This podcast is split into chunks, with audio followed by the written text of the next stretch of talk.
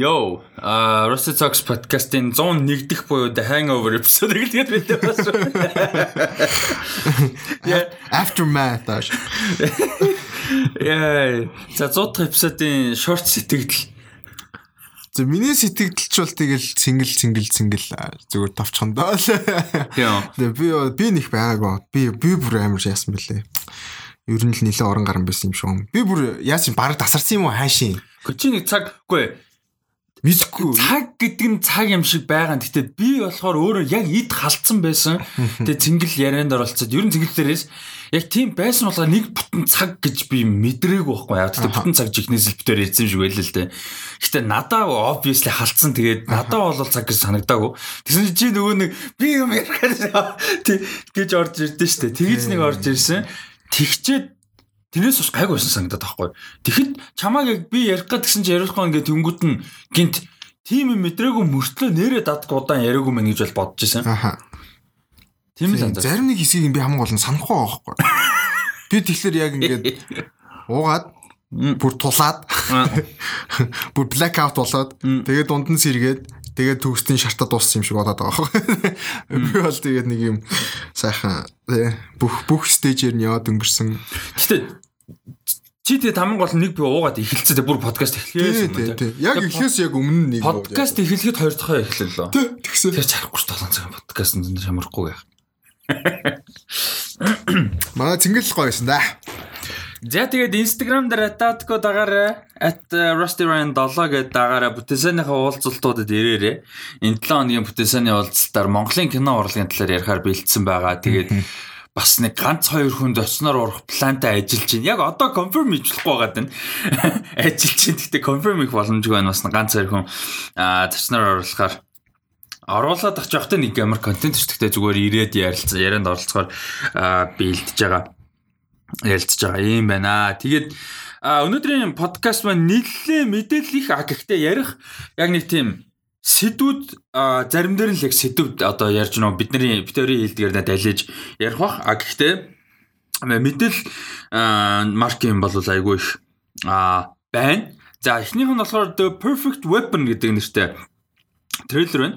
HBO Max дээр удахгүй орох гэж байгаа юм байна. За энэний талаар ямар сэтгэлтэй байна? Саяхан social dilemma-г ер нь бол үүссэн. Тэгээд тэгээд тэрний дараагаас баримтат кино байгаа тийм баримтат кино. Тэгээд дараалаад бас ийм гарч байгаа болохоор бас. Гэтэ энэ болохоор арай илүү нөгөө аа яг хөв хүнд гэдэг талаас биш улс орнууд яаж ашиглаж одоо дайн баг тийм ер нь л баг social media ашиглаж яаж л дайн бол хийж байгаа талаар юм шиг байна. Тэгээд гэхдээ яг social dilemma-тай ер нь төстэй талууд байна бах. Яг л миний харж байгаагаар ингээд юу байгаа байхгүй хамгийн төгс одоо ингээд юу гэдэг байгаа штэ. Живсэг гэдэг байгаа штэ. Тэр үл интернет байгаа даа. Тийм интернет. Тэгээд тэр дээрэс нь хүнд нөлөөлөх байгаа даа. Хүнд нөлөөснөөрөө дайныг одоо авч одоо яаж л бол яаж хийж болж байгаа. Хуучин бол тэгэл яг л үзэл бодлын юунаас болж хоёр хоёр улс хоорондоо байлж байгаа штэ. Тэгэхгүй одоо тэгээд ямар ч улс тэгээд тэр юугийн даваад юу гэрч юм дээ. Хилийн даваад яаж хийж тэр хүмүүст өөр улсын хүмүүст бас нөлөөлж болохоор Тийм тэгээд гэсэн л нэг утгатай л юм уу. Тийм тэгээд одоо эн чинь яг cyber spying, cyber warfare те гэх мэт та сэдвийг ерөөхдөө хөнцөн яваа. Тэгээд 2016 оны Америк ерөнхийлөгчийн сонгуульд Орос нөлөөсөн тодорхой болсон шүү дээ. Бүр ингээд confirmed тэр ингээд ийм conspiracy messi нэтэр биш тэр чи зүгээр ингээд ийм factual confirmed stuff болцсон. А тэгээ одоо энэ сонгуулиар юу болох вэ гэдэг амар юм бас байна шүү дээ. А тэгэд хүмүүс яг ингэж ойлгоод байна нэг сонгуулиар а нөлөөлнө гэхээр одоо юу гэдэг вотинг хактдаг ч юм уу те Аха. тийм биш. Одоо вотинг нь легали явчихна те асуудалгүй. Хүмүүс ингээд яг л саналаа өгнө тэр нь тоологдно тэгээд а Трамп гарч гарч ирдэг чи Америк election system нь өөрөө тэнэг electoral college гэдэг тэнэг системтэй учраас а Трамп гарч ирсэн. Илүү санал аваагүй мөртлөө. А түүнээс биш санал нь асуудалтай биш. А хакинг нь юу болсон бэ гэхээр сошиал медиануудыг сошиал медиа дээр ер нь асуудал үүсгэж байгаа. Хүмүүсийг төрхирж байгаа. Тэ ингээд ийм хиймэл троллуудаар төрхирж байгаа. Одоо Twitter дээр, тэ Instagram дээр одоо бүр TikTok дээр ороод ирсэн. Бүр амар юм болчихсон. Бүр ингээд төрхираад бүр амар юм болж байгаа. Ийш тийш нь төрхираад хүмүүсийг ингээд нөгөө susceptible гэдэг чинь хүмүүс чи одоо манай чинь Монгол хүртэл соён сонгуулахаар тэгдэг тэ. Нөгөө 20 мянган төгрөг өгөө саналын авчдаг. Эсвэл одоо маргаа өнөөдрийн талхны зовлон ясаар байгаа хөгшин хүмүүсээ саналын авчдаг ч юм уу. Тийм Монгол байдаг шүү дээ. Одоо сонгуул болгоод иргэдийн төлөөчтэй ойрол одоо сонгуул болох чинь бас даваарсан юм явж л байгаа чип дээр яг тийм мэдгүй юм тий.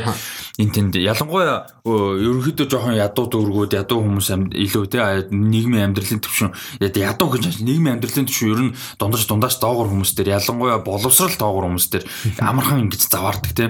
Сошиал медиа монголоор ч гэсэн тийм байж лээдэг. Тэр бүхнийг яриад байгаа байхгүй юу? Ер нь бол а тэрэнд яаж нөлөөсөн бэ? Яаж ямар аргаар нөлөөлөд байна вэ гэдэг бас айгуу сонирхолтой. Тэр нь бол Монгол ч гэсэн явж л байгаа. Сошиал медиагаар дүрхрээл заваараал. Тэг угаасаа монголчин тэгэл нөгөө пэйжүүдийг нөгөөж аваал зах тийм тэг нөгөө захиалаа бичээж бичээж гэдэг нөгөө очир бүтүүлэг аккаунтаа баг нэрм тэр шиг юм баггүй. Тэгэл нөгөө инфлюенсер гэдэг хүмүүстэй мөнгө өгөөл тэдрээр сурчлага. Яг хад нэг тийм Тэр нь бол хаач арай гайгүй. Директли биш юм ахэд энэ директли амар нөлөөлдөг. Тэнгүүд одоо яг тэр нэг трол мол хийдэг. Тэ одоо чинь юм байхгүй яаж заваарч ин гэсэн чи одоо liberal талын хүмүүс уу шүү дээ.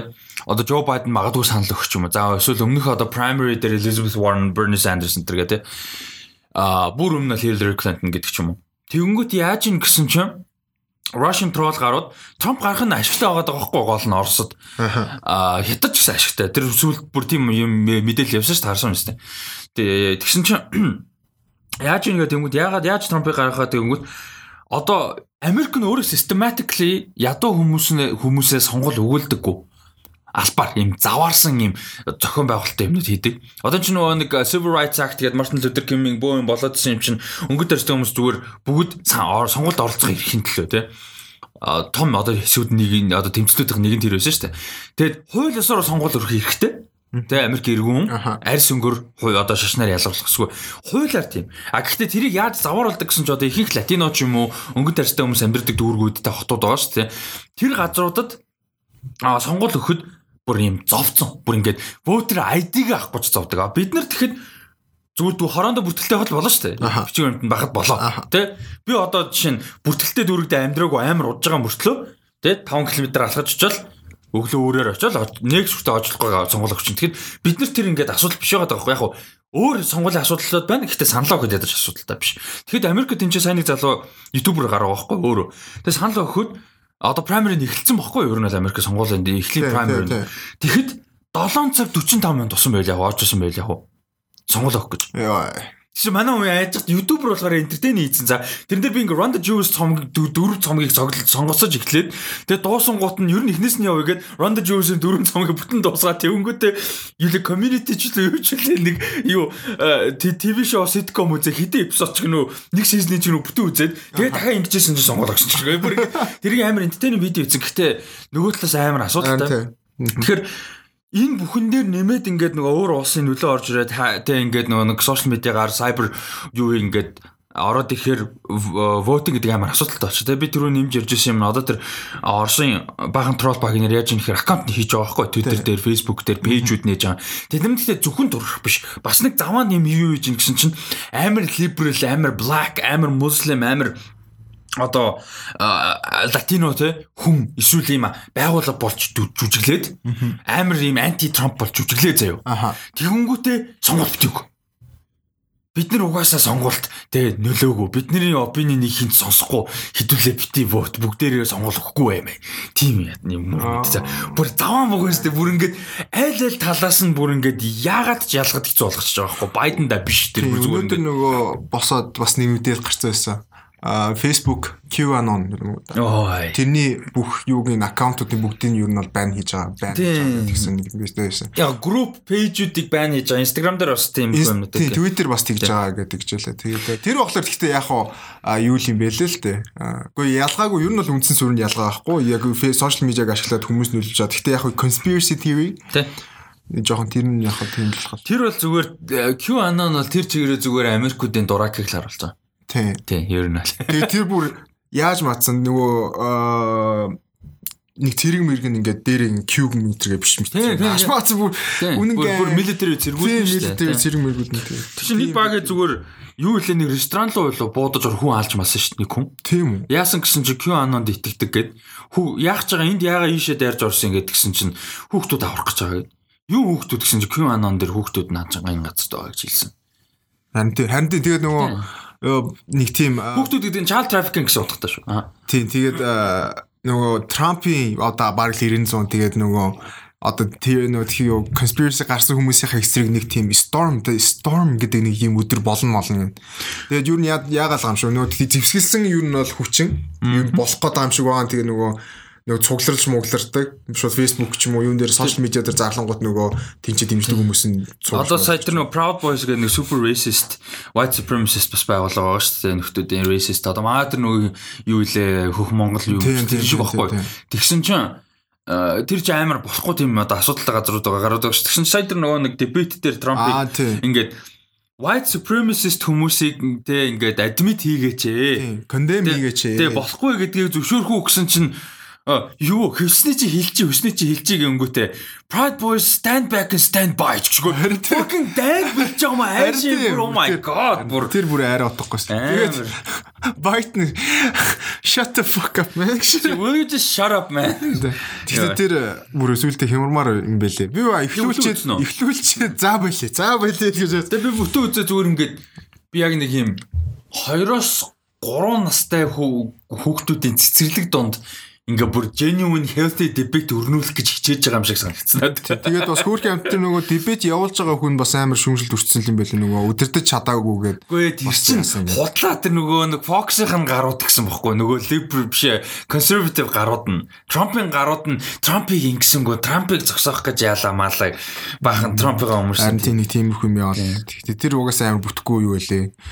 Тийм тэгээд энэ амар сонирхолтой байна бах. Надад үзэхэд трейлер үзэхэд бол амар сонирхолтой санагдлаа. Perfect weapon. Тийм тэгээд хамгийн гол нь гэхдээ ганц ийм юм үзэхлээр нөгөө дараа нь ингээ бүх юм question хийх жоохон хэцүү байдیں۔ Хэцүү ч гэжтэй яг зөвлөлтөө question хийх нь зөв. Гэхдээ нөгөө яг ингээд нэт рүү орохоос хүртэл айгаад эхэлчихэж байгаа байхгүй ингээд аа shit миний хийж байгаа юм болгон юм байна те. Тийм нөгөө нэг digital trace те. Тийм тэгэхээр жоохон хэдэн жилийн digital trace байгаа шүү дээ. Тэгээ нөгөө энэчнээсээ тэгээ болж чадахгүй амар хэцүү. Тэгээд ашигламаар нэмэр байхгүй. Угаасаа та болиё гэж бодъё заяа. Чи ямар нэг оролцоогүй байгаа чиний төрөөс угаасаа л үлдэнэ. Өөр хүний харамл. Тэгэхээр амар. Тэгээ одоо үед бол ингээд ерөөсөө privacy гэдэг юм нэлийн хэцүү болцсон шүү дээ. За би бол хүлийн зөвшөөрсөн. Ингээд Тэ угаасаа дата мэдээлэл ингээ байгаа зүгээр I'm living in the public life зүгээр ингээд too late. Гинт ингээ тийм secretive person болох ямарч найраагүй. Гэтэ сонин хүмүүс байгаа л да бүр ингээд баг social trace, social нэ интернет digital trace баг байхгүй амьдэрдэг. А гэхдээ тийм хүмүүсийн амьдрал амар хэцүүлж байгаа байхгүй юу? Нийгэм дондох амьдрал. Одоо манай дүү байна. Манай дүү одоо баг ийм digital trace мэс байхгүй. Баг he exists.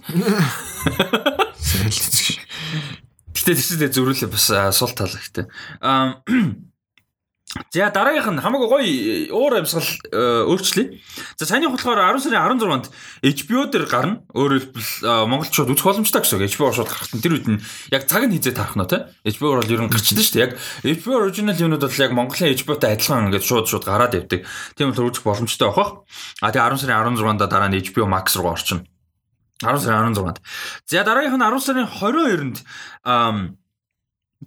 HBO Max дээр орох кино байгаа. The Witches гэдэг кино. За хуучин энэ бол хуучин кино бол байсан. А тэгээ 90 онд кино байсан. Тэгээ энэ болохоор яг номноос идэвсэн хуйла. Одоо ремейк гэхээс илүү одоо re-adaptation юм да.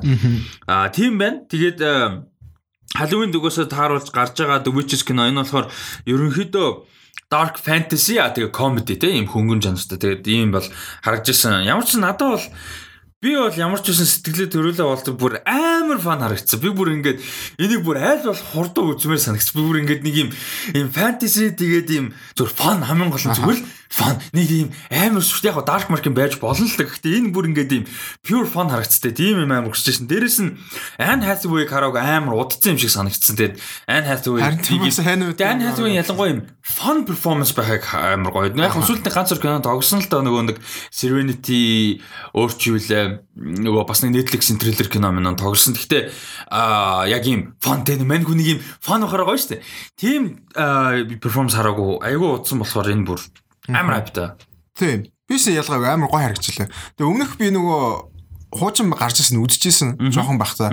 Тэгээ тэр чин байлэр creepy нэг тийм сонин духгүй мэдрэмж. Тэр нөгөө За зөв харьцуулбал одоо тухайн нэг киноны тийм фильмгүүд байдаг өстэй жоох хөвгдөд зориулсан юм шиг мөртлөө нэг нэг тийм Эвгүй юу? dark тий нэг эвгүй нэг тиймэрхүү. Тэгээд энэ бол амар хөөрхөн харагдаж байлаа. Тэгээд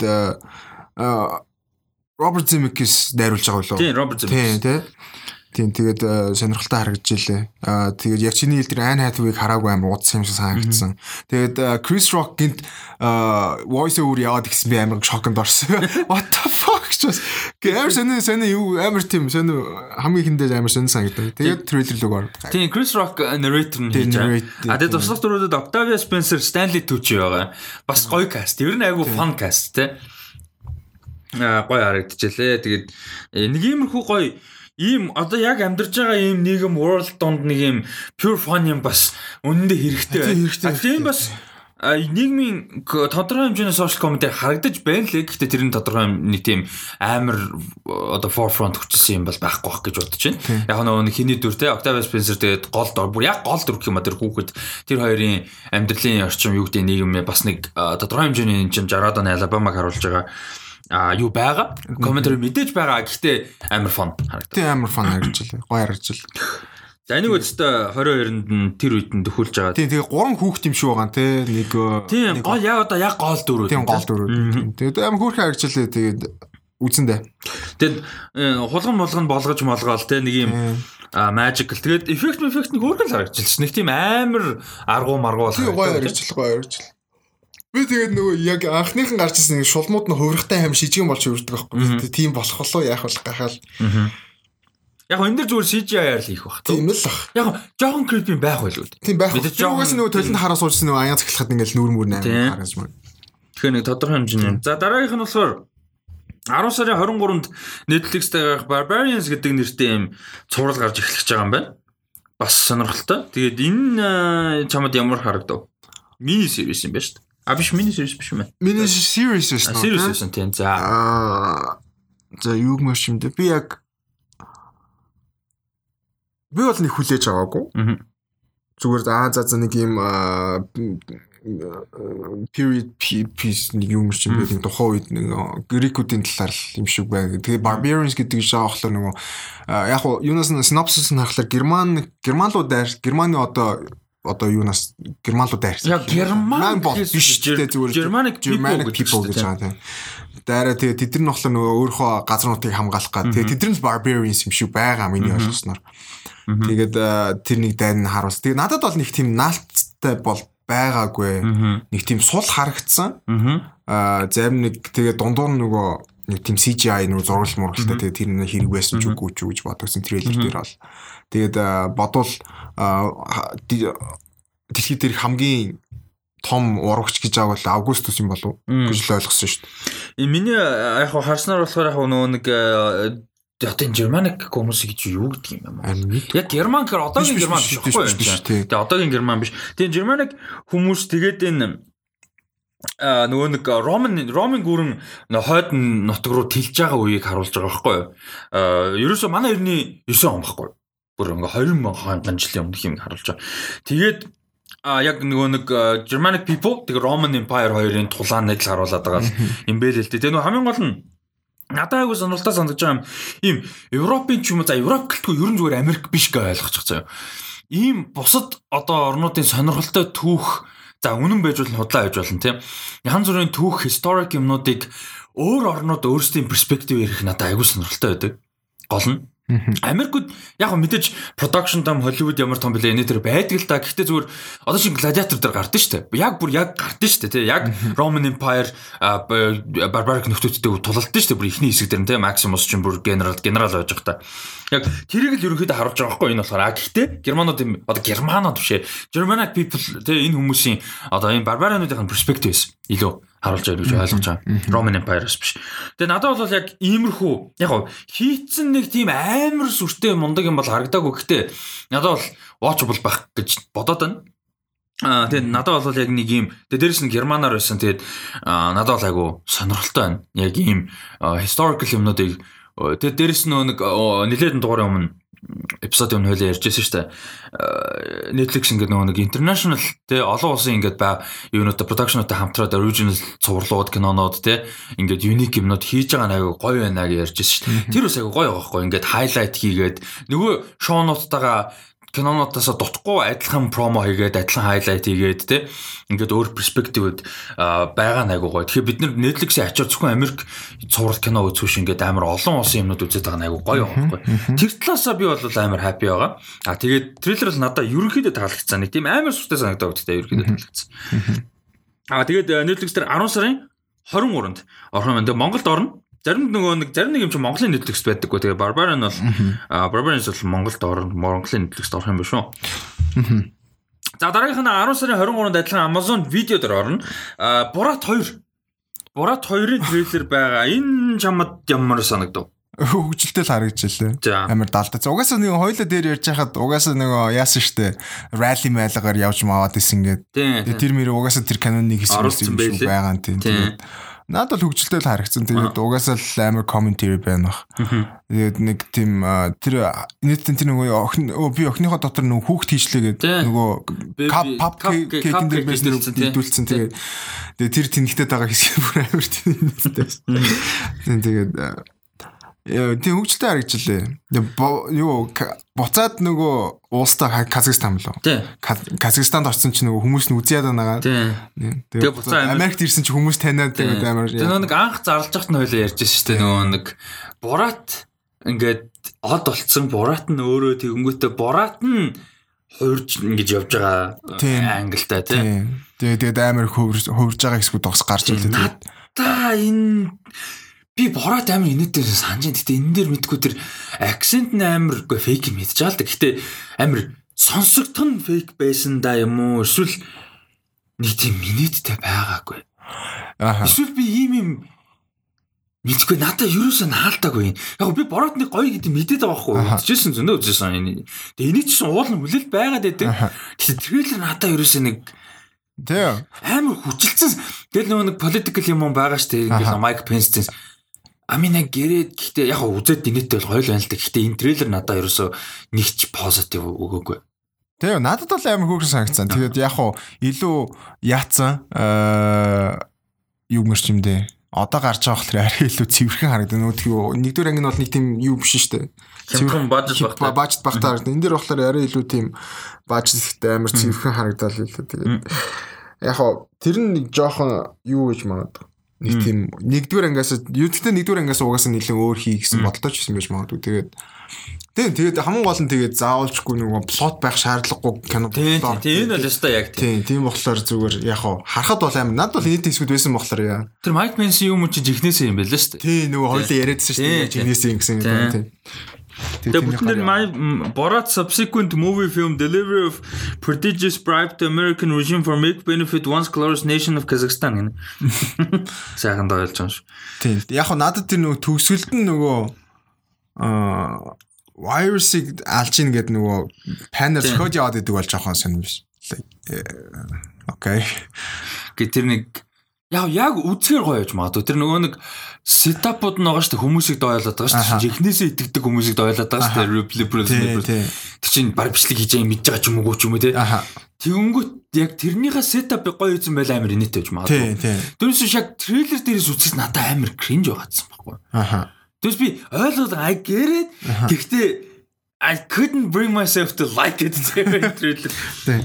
Хоёулаа тэгвэл яг амар өөр байр суурьтай санал. Гэтэ хүлээлтийн хувьд би амар. Тийм тийм би бас амар хүлээлттэй өндөртэй байгаа. Тэгээ Amazon руу орж байгаа болохоор шууд үзэх боломжтой боломжтой болчихсон тийм. 10 сарын 23-нд Amazon дээр орох нь байна. За. Дараагийнх нь энэ шинэ гой трейлер гарсан байсан. Одоо аниме гэх юм уу аниме л гэсэн л байлаа. Яг Netflix-ийн өөрсдөө аниме л гэдэг юм. Би бол аниме гэхэд хэцүү харагдаад байна. Аа Blood of Zeus гэдэг цуврал гарч байгаа юм байна. Netflix-ийн цуврал 10 сарын 27-нд гарч эхэлнэ. За энэ дээр нөгөө нэг Zeus-ийн завхарсан олон хүүхдүүдийнх нь нэг нь гол дүр болж явж байгаа юм. Бас одоо high fantasy гэх юм уу да юм аниме цуврал байгаа. Ань чавд ямар санагдав? Тэгээ гой харагчлаа. Тэгээд э, юу шууд зураглал нөгөө юуг санагдуулсан? Castlevania-г санагдуулсан. Тэгээд зарим нэг хэсгэрээ л дээ. Тэгтээ яг Castlevania арай илүү тэрнийг бодол юу арай илүү кул л дээ. Тэгээд зураглалын хувьд л тийм харагчлаа. Тэгээд угаасаа Netflix хийж байгаа гэсэн шиг амар горе гэлээ. Зос мус. Тэр нь шүү дээ. Тэр нь бол амар байсан. Тэгээд mythology-г үргэлжлүүлж байгаа гэсэн нэг тийм утгатай байсан. Тэгээд яг уу яаж ямар утгаараа үргэлжлүүлж байгаа гэдг нь бол үзчихэж л болох. Nice catch би ерөөсө Castlevania төстэй гэж надад бодогдоогүй байхгүй юу? Зүгээр анимашн гоё юм байна. А гэхдээ зүгээр аниме гэдэг нь би техникалитэд далаас нь байхгүй юу? Like Japanese production надад аниме гэж боёд зүгээр хэлмээр байдаг байхгүй юу? Тийм. Асуусан харагдсан байсан. Тэгсэн чинь би яриад чам тасан sorry. А энэ хийсэн production компани нь шүү дээ. Одоо яг нөгөө нэг technical хийсэн Powerhouse Animation Castlevania хийж байгаа юм шүү дээ. Хийдэг компани. Харин тийм зураглал нь амар төстэй харагдсан. Тэгээд Яа тийм над трейлер бол таалагдсан. Тэгээд угаасаа нэг митологитой юм үзэх амар дуртай байдаг болохоор харин тэнгууд трейлер юу баг ямар ч байсан баг нэр нь хараад тэгэл оо ийм очтой юм. За за үзэх юм байна. Ингээ бодсож байгаа ер нь бол тийм. Би бас яг тэрэн дээр хэлсэн нэг ийм high fantasy mythologyтой юм амар дуртай. Яг одоо яг ингээ pinpoint хийж мэдэхгүй л байна л да. Яг яагаад дуртай. Гэтэ гоё тэр нөө Immortals гэх кино ч юм уу Clash of the Titans нэг юм. Яг Wrath of the Titans бол үнэхээр үзхий аргагүй мó. Гэхдээ Clash of the Titans-ыг нэг юм pure guilty pleasure үзэх боломжтой байхгүй биз. Cool тэгээ нэг тийм like яг зөвхөн Greek гэлтгүүний тийм ер нь тэгээ улсын mythology, тэгээ fantasy, high fantasy нэг тийм холиод ир ямар санда Game of Thrones хүртэл тэр нэг mythology одоо одоо талууд нь тэгээ аспектууд нь гоё штэ. Тэгэхээр энэ бол амар. Тэгээд энэ дээр би харж байгаагаар за яг Titans муу дүр. Тэгээд тэрний эсрэг Zeus болоо Olympus-ийн бурхтууд тулцсан. Гэтэ яаж магадгүй бас нөгөө Olympus-ийн бас нөгөө Olympus ер нь айс хоо штэ. Тэгээ тэрийг бас илүү гаргаж магадгүй гэж бодлоо. Zeus-ыг айсуул гэж гарахгүй харагдсан штэ. Энэ дээр бол Zeus гарч магадгүй. Zeus Hero Mero бол ерөөсөө амар godly. Hero болж яг Hero-г бол ойлгоод идэв. Яг л илүү нөгөө юу болохоор нөгөө Warrior Горис охлоо бас гайгүй ойлгоод ийм. Зүүс охлоор хамгийн айс олон тэгээд эцэст нь гэхдээ би тэр яг хоорондоо тулж яхад нь дээрс нь анги шиддэг би тэрийг гайхсан л Тэгэд Giant-ууд бас зүгээр амар акшн юмнууд нь байх юм шиг суурсан байх юм тийм. Яг Titans гэхээс. Тэгээд угаасаа тэгээд ойлгомжтой нөгөө гол дүр нь болохоор Zeus-ийн хүүхд болж таарч байгаа. Тэр нь болохоор Evios гэдэг хүүхд юм байна. 2500 300 Тэгээд нөгөө 3500 гэдэг нэг нь. Харин тийм амар хүүхдтэй. Zeus ягаад юм заваа юм бэ? Би яаж мэдээ. Манай Liam Neeson ягаад тийм заваа. Хүмүүсийг бүтээсэн за хүмүүсийн цусыг сэлэхгүй болоо шүү. Яа, Zeus Чингис хаан. За. А тэгэд Blood of Zeus 10 сарын 27-нд а Netflix дээр орох юм байна. Тэгээ Монголын Netflix дээр орох юм уу гүм харчээ. Яг юу мөч гэж байдаг л да. VPN энэ гэж харгалж болно л да. Damn гэтээ Монголын үнд байхгүй юм шүү. А байна. Yes. Гоё листэнд орлож. Гоё харагдчихлээ. За. А дараа нь болохоор бас Netflix 12 сарын 4-нд орж байгаа. Энийг хоёлаа нэлээд дээр ярьж исэн. Хоёлаа ярьж исэн үү эсвэл би баг Temco MK дэлэнтэй ярьсан уу? Нэлээд дээр ямар ч үсэн ярьсан. А энэ болохоор Selena гэд маш алдартай дуучин байсан. Яг хүмүүс нөө Элиа Милиаг залуу хүн тэгээд насууснаар нь мэдэх баг. Гэтэ а Selena бол Америкта яг 90-ад онд бол бүр юм бүр супер супер супер суперстар байсан. А зөвхөн Америк биш глобали бас Мексик тийм латино community дунд бол одоо бүр том ийм одоо од байсан. Тэгээд дээрэс нь латин попын Тихано гэж одоо жанр байдаг. Тихано pop. Энэ жанр бол дэлхийд гаргаж ирсэн юм бүр юм одоо юу л ахгүй яг жоохон өөрөлтөө гэхдээ Jennifer Lopez-ыг од болохоос өмнөх global superstar latino эмэгтэй байсан байхгүй юу? Jennifer Lopez дараа нь гарч ирсэн, дараах нь гарч ирсэн. А тэгээд А би бол яг өмнө тэр нэг нэлийн хэдэн дугаараа өмнө тайлбарсан л да. Амар залууг нь асуурсан. Дөнгөж 23-тай. Тэгээ алуулсан. Фэндээ алуулсан. А тэгээд тэр фэн нь болохоор одоо энэ Селинагийн фан клуб гэж байгуулж исэн юм эмэгтэй байсан. Тэгээ ингээд амар фэнэнтэй байгуулсан ч үлээ эсвэл амар идэвхтэй фэн ч лөө. Тэгээ бүр ингээд донтоо юм шиг ингээд дагаад идэг тэгээ ингээд юм болгон дээр яваа. Тэгээд зүйлд нь ингээд яг хуу Мань хүн амар дэмжиж тэр фэнигээ дэмжиж фан клубо ч үлээ фан шопо үлээ бүр ингээ ажилуулдаг тийм юм бүр хариуцлагатай ажил хүртэл өгчээсэн тэр юмхтэд. Тэгээд тэгсэн чинь нэг өдөр ингээ гэрээсээ гараа явж хахад гард нь шууд гэрт нь очиод буудаад алцсан. Буудцсан. Тэгээд Селена ингээд гидсрүүгээ ингээд нэг хоёр буудулцсан. Тэгээд буудлал руу зочдууд руу гэрээсээ явж орж ирсэн гэж хотор амар юм бич за бүр ингээд яг төсөөлөхөд амар юм бич зураг нь бол байгаа шүү. Нэг ямар буудлал руучлаа ингээд явж орсон байхгүй. Буудулцсан суулцсан. Тэгээд ингээд туслаараа гээд тэг өгсөн ингээд Ямар ч байсан а Селена гэж юм амар алдартай дуучин бол ингэж насварсан ийм явдал бол болж исэн байдаг. Бүр суперстар байсан. Яг нь бид нар яаж ч мэдгүй байж магадгүй мэдгүй байгаа буруудах юм байхгүй. А тэгээд Селенагийн тухай цуврал бол Netflix хийх чагаа гэд ер нь бол ярьж исэн. Тэгээд тэр цуврал маань бол одоо яг тизер нь гасан маань яг бүтэн трейлер гэхэд бол хэцүү. А гэхдээ тизер Selena the series гэдэг нэртэй ийм юу болвол а biography зураг Netflix дээр орчоод 12 сарын 4-нд гарах нэ. Тэгээд энэ зурлыг нэлээд сайн болно гэж найдаж байна. Тэгээд энэ Кристиан Сератос гээд жүжигчин тоглохоор усны талаар юу яжсэн бидэд ярьжсэн Twilight дээр тоглож исэн. За Nickelodeon зурлууд Walking Dead дээр бас тоглож исэн нэмэгтэй бол тоглоно гэд бүр тухайн үед нь зарлж исэн. Зарлахт нь ярьжсэн. Тэгээд энэ teaser бол яг хуу энэ дэр нэг тийм ярих юм бах та тий. Яг ярих юм бол байхгүй тий. Тэгээ зүгээр нөгөө нэг юм тайзан дээр дуулах байгаа, гарч ирж байгааг л харуулаад дуусчихсан. Тэгээд ямар амар битэй юм байдгийг л харсан даа. Ямар амар? Битэй юм бэ л гэж харсан даа гэсэн.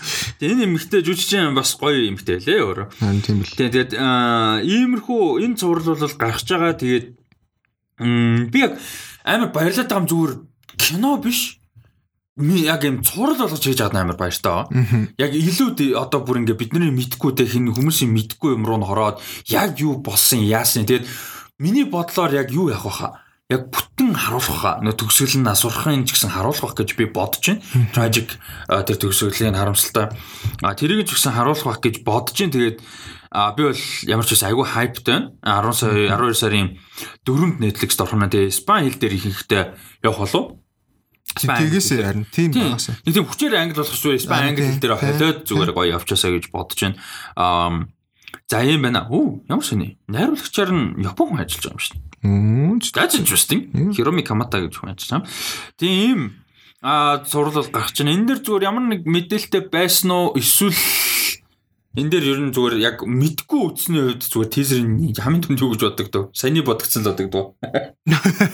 Тэгээ миний саяны бодгц би тэгээ хамгийн гол нь юу гэж бодсон би нөгөө Селенагийн шууд мэдгүй. Өмнө нь ярьжсэн санахгүй болохоор би яриаг баха хамгийн гол нь. Харин тэр нилээн дээрүүд байхгүй юу? Тэгэхээр тэгэхээр би биш биш. Темко мэмко дэлэнтэй ярьжсэн байж магадгүй. Тэгээд харчаа Селенад series гэсэн би л хамгийн энэ яг ямар учиртай өмнө кино байсан тэгээд амар алдартай тий алдартай кино тэгээд зүгээр тэр кино одоо ингэ series гэж гарч байгаа юм бол хамгийн гол нь нөгөө тэгэхээр Selena the series гэдэг амар тэн дээр акцент өгсөн би тийм гайхаад энэ Selena гэдэг нь ямар очтой юм бол гэн. Тэгээд нөгөө дуучин байгаад идэг би тэгээд энэ нэг юм character юм болов уу гэж ойлгохгүй юу. Тэгээд тэгсэн чинь сая өөр очтойсэн. Тэгээд хамгийн гол нь амжилтаа сонсож байгаагүй юм байна. Дуугийн сонсох бол мэддэг байж бах л та баг.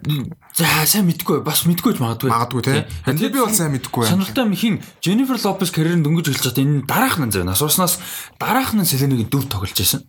Jennifer Lopez. Оо тийм үү. Тэгээ нэг тэр нэг тийм irony биш л дээ нэг тийм таарцсан ч гэх юм уу?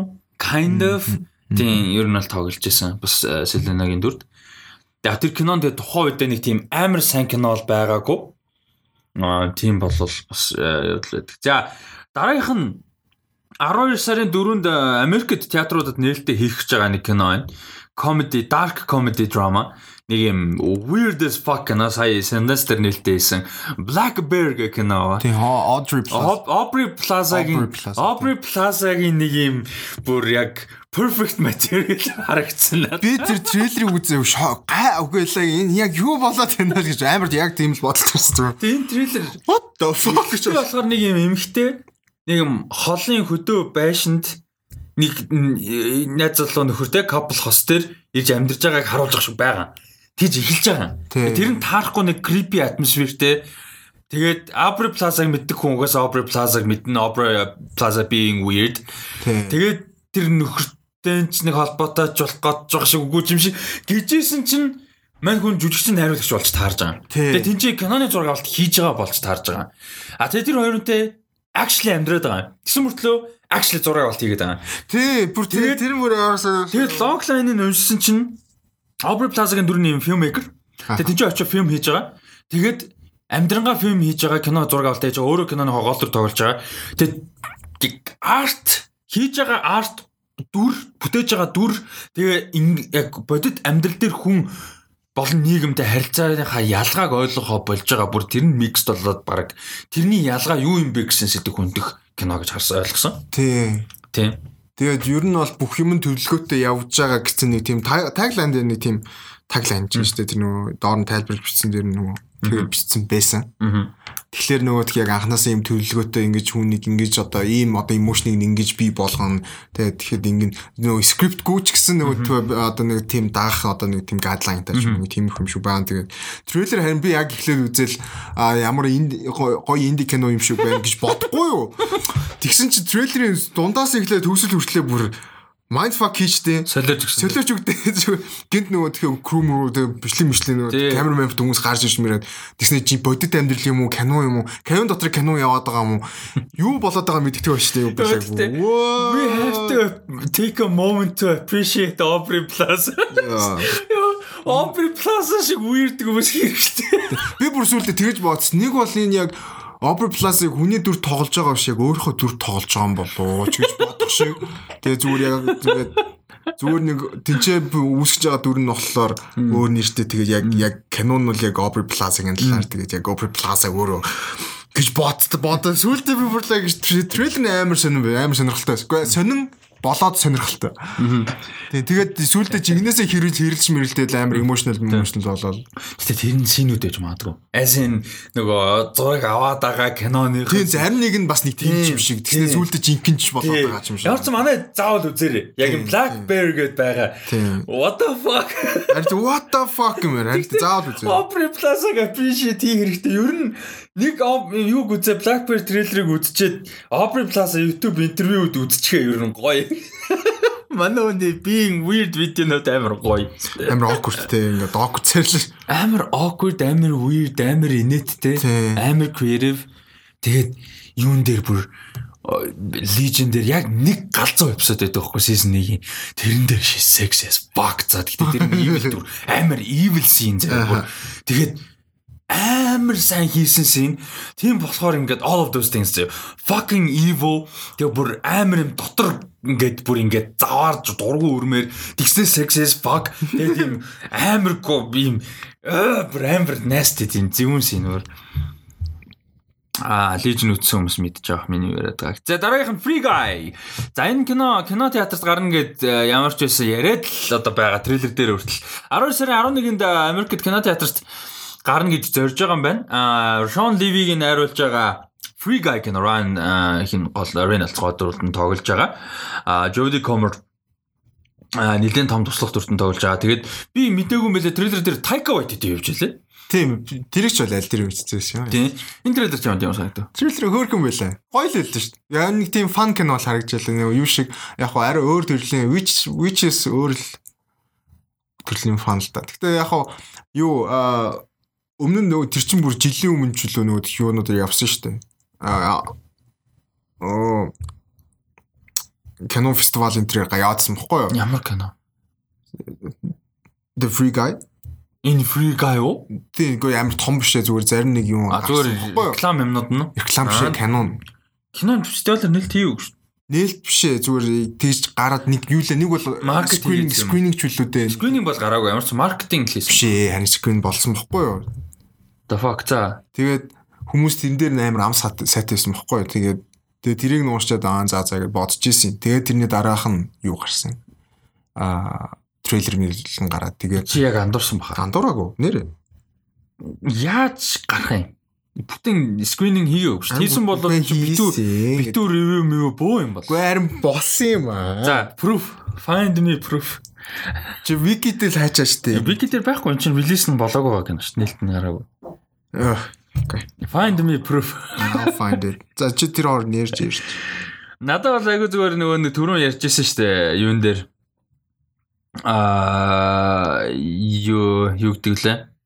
Оо shit, Witches дээр яг нэг тийм санагдсан. Яг нэг юм pure fun кино тэгээд яагаад байж болохгүй гэж яг юм fun кино. Тэгээ ер нь хин Ryan Reynolds-ыг өмнө нь бас ярьжсэн да нэг тийм ийм инээдтэй quirky тэгээд action ийм нэг тийм залуу байгаа дээр нэг хитэн ийм одоо ийм имиж бас тогтцсон дээр бүр нэг тийм зодж байгаа юм шиг надад санагдаад байгаа. Deadpool-ээс хойш ялангуяа. Тэр нь ч болохгүй юм байхгүй. Тийм дөрүүд нь ч гоё байгаад байгаа. Тийм болохоор Free Guy бол айгу аа фан харагдчихлаа. Дээрэс нь хин айгу гоё лээ. Lilrel бас туслах төрд байгаа юм байна лээ. Тэгээд нөгөө юун дээр тоглолт шүү дээ. Out дээр найз нь гэдэг манай амар инээдтэй. Тэгээд аа гарч ирлээ. Тэгээд энэ юуд нь болохоор яг энэ одоо нөгөө co-lead гэх юм уу тэр нь Jodie Comer тоглож байгаа. Нөгөө Killing Eve-гээ цуурлаар Emmy Award Award аваад бас нилээн сайн карьертай явж байгаа юм. Эмэгтэй тэгээд энэ эмэгтэй нөгөө юун дээр тоглосон. Last Duel дээр бас тоглосон юм бэлээ. Matt Damon, Ben Affleck те. Аа тэгээд ер нь бол цуурлуудаар нэлээд сайн явж байгаа, нэлээд карьер нөсч явж байгаа мундаг залуу жүжигч 27 одоо жүжигч юм гоё харагдаж байна лээ. Тэгээд надад нэг тийм юунуудыг амар тийм нэг видео гейминг индастри тэг хүмүүс нэг тийм яа open world за тэгээ геймер хүмүүс ямар хүмүүс байдаг энэ world нь өөрөө ямар world байгаад байна. Тэгээ world гэдэг нь одоо literal тоглоомны биш зүгээр gaming world өөрөө. Тэрэн дээр бас тодорхой хэмжээний юм гоё аа цонх болох юм шиг надад харагдсан. Амар fun pure fun цонхлом шиг. Тэгээ Taika Waititi evil villain юм шүү. Нэг тийм дайцсан villain юм шиг байлаа шүү дээ. Тэр нь надад шинэтэй санагдаад байгаа. Villain гэж бодохоор Антуан гэх шиг нэр нь ядчих амар худлаа бугжууа нэр мэртэй. Аа тэ Taika Waititi Антуан гэдэг нэртэй байна. Амар нэт. За дараагийнх нь болохоор өнөөдрийн сүүлийн трейлер яасан proof олсон уу тэгээд олдгүй. Сүүлийнх биш сүүлээс хоёр дахь юм шүү. Сүүлээс хоёр дахь дахиад трейлер байгаа юм. А тийм ээ sorry. А 3 the the the 355 the 355 гэдэг нэртэй кино гарч байгаа юм. 355 гэдэг кино. Тэгээ сонирхолтой юм нь хин Simon Kimberg-ийн кино юм байна. Яг уу Dark Phoenix-ыг найруулсан Dark Phoenix бол муу кино байсан. Гэхдээ Simon Kubrick ч бас сайн screenwriter юугаар алдартай шүү дээ. Продюсераараа бас алдартай. Бас давгүй сайн screenwriter. Тэгээ мань хүн өөрөө зохиолоо Тереса Ребек гэж эмэгтэй уран бүтээлчтэй хамтарч утсан юм а 355 гэдэг нэртэй кино бол байна. А тэгээ энэ кино өөрөө action crime thriller кино spy тэгээ ийм жанруудыг холсон кино а тэгээд жүжигчдийн бүрэлдэхүүнд бол гол дүр Jessica Chastain туслах дүрүүд Lupita Nyong'o Penelope Cruz, Diane Kruger, Fan Bingbing, Sebastian Stan, Edgar Ramirez гэсэн юм. Бас айгүй cool. Харин тий, юу нь бол амар. Каст бол амар харагдчихлаа. Тэгээд Фан бимбинг бол гэхдээ яг нэг нэг жоох хэсгээр гарчаад тэгээд юу нүү бус дээр нэвтрүүлж байгаа байхгүй. Тийм яг фан бимбинг нөгөө нэг энэ production дээр нь хятад компани оролцсон байх бодвол тэгээд л юу байгаа биз нэг тийм нөгөө хятад жүжигчингээ оруулчлаа гарч ирж байгаа юм байлгүй дээ. Тийм фан бимбинг чинь нэг шиг алга болсон байгаагүй лүү. Харин тэр чинь бүр алга боллоо гэж бүү юм болоогүй юу? Тийм тэгээд гисэн чи одоо comeback хийж байгаа юм байна. Харин тийм л юм байлгүй. Тэгээд яг хоо амар гоё акшн гоё тий каш гоётой тэгээд яг нөө имэгтэйчүүд тэгэл empowerment тиймэрхүү байх тэгээд надад бол гэхдээ тэр дуу нь бас л ялгаагүй хипхоп дуу. Гэхдээ яг надад бол нэг тийм бүр муу байсан гэж хэлэхгүй. Чи тэр дууг мэдхгүй бах тий. 10 nowhere гэж хэлэхгүй. Юу ч надад бол гэхдээ трейлер дээр бол it was fine. Тэр дууг гэхдээ мэдхгүй бах тий. Сонсч лсэн дуу шүү дээ. Тийм. Тэгээ зүгээр яг ер нь зүгээр мэддэг дуу юу эсвэл мэддэг. Аа за. Сонсож ирсэн дуу. Аа за окей. Окей окей. Окей. Аха. Аа би яг мэдгүй гэж. Агүй зүгээр мэддгүй юу үгүй л гэж асууж байгаа. Зүгээр мэдэн тийм мэдэн тийм. Rihanna байсан тэгээд Jay-Z. Jay-Z тийм. Аа юу надад трейлер трейлер нь өөрөө шүү дээ тий амар удацсан санагдсан. Гэт дэндүү урт их юм гаргаад их юм гэж бүр амар зүгээр л акшн л гаргалаад. Үгүй тэгээ бараг бүтэн плот нь гарсан шүү дээ. Манай онч нөгөө хэдийгээ цуглуулаад ийм юм нийсрэг яваад тэр нь ингээл ингээл бараг тэгээд сүулт нь бараг ялаад дуусан тодорхой болгоо гаргацсан зүгээр.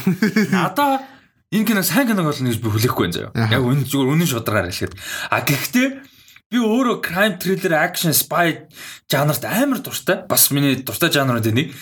Тэгэд ийм гоё жүжигчд ингэж тоглож байгаа. Дээрэс нь Jessica Chastain нэг юм low key action киноноо тоглоод байгаа бас гоё гох. Тэр Eva-гийн кино шүү дээ. Тэрийг бас үзнэ гэж бодож байгаа. Тэгэд энэ бол надад cast амар гоё. А тэгээд э, нэг тийм international олон улсаар явсан нэг тийм action crime thriller кино дуртай болохоор зөвөр надад айгу гоё байгаа. А тэрнээс биш би сайн кино олно гэж бодохгүй байна. Action угаасаа суул харагдчихилээ. Тэгээд энэ жүжигчдээс ихэнх нь өөрсдөө стандаа идэг ховор тэгээд нэг тийм ер нь action эвлүүлгэн ч юм уу харагдчихлаа choreography. Зөөр яг уу надад бол гоё cast тэгээд fun дөрүүд нь fun байгаад тэгэл болчихж байна. Надад бол. А тэгээд дууны хувьд эн чинь А Jay-Z-ийн Blueprint 3-т орсон. Jay-Z, Kanye West, Rihanna 3 Run This Town гэдэг амар алдартай одоо амар том хит болж исэн. Миний бас тэр цомгийн хамгийн favorite дуунууд тэнийг. Тэгээд тэр дууг би ерөөс өөр юун дээр сонсож байгаагүй те яг энэ трейлер дээр жоохон эвлэлцээ оролцсон нь л надад амар гоё санагдсан. Тийм трейлер яг амар акшнтай харагдсан. Яг чиний хэлдэг бас жоох урт талдаа санагдсан. Тэгээд надад бол яг хүлээлтэн цаашаа гэхдээ яг тийм хөөрхөн акшн фан юм кино үзэх бол гоё л дээ. Тэгээд жүжигчт нь амар гоё жүжигчд болохоор тэгээд бас дээрэс нь нөгөө тийм тийм хүмүүсийг ингээд цуглуулад тийм ragtag team те нэг тийм тэгээ тэр чинь Canon турш нэг тэрэн дээр chemistry гоё байгаад нэг тийм бахлаар гоё шүү дээ. Тэгээ яаж байгаа ёо кастинг бодлоор нөгөө нэг international cast гэдэгтээ бүр ингээд амар анхаарал өгч байгаа. Постерн дээр нь тэр нь надад ааш. Тийм тэр нь аим гоё ш. Тэгээ бүгдээр нэг тийм өөр өөрөөс ингэсэн скиллтэй.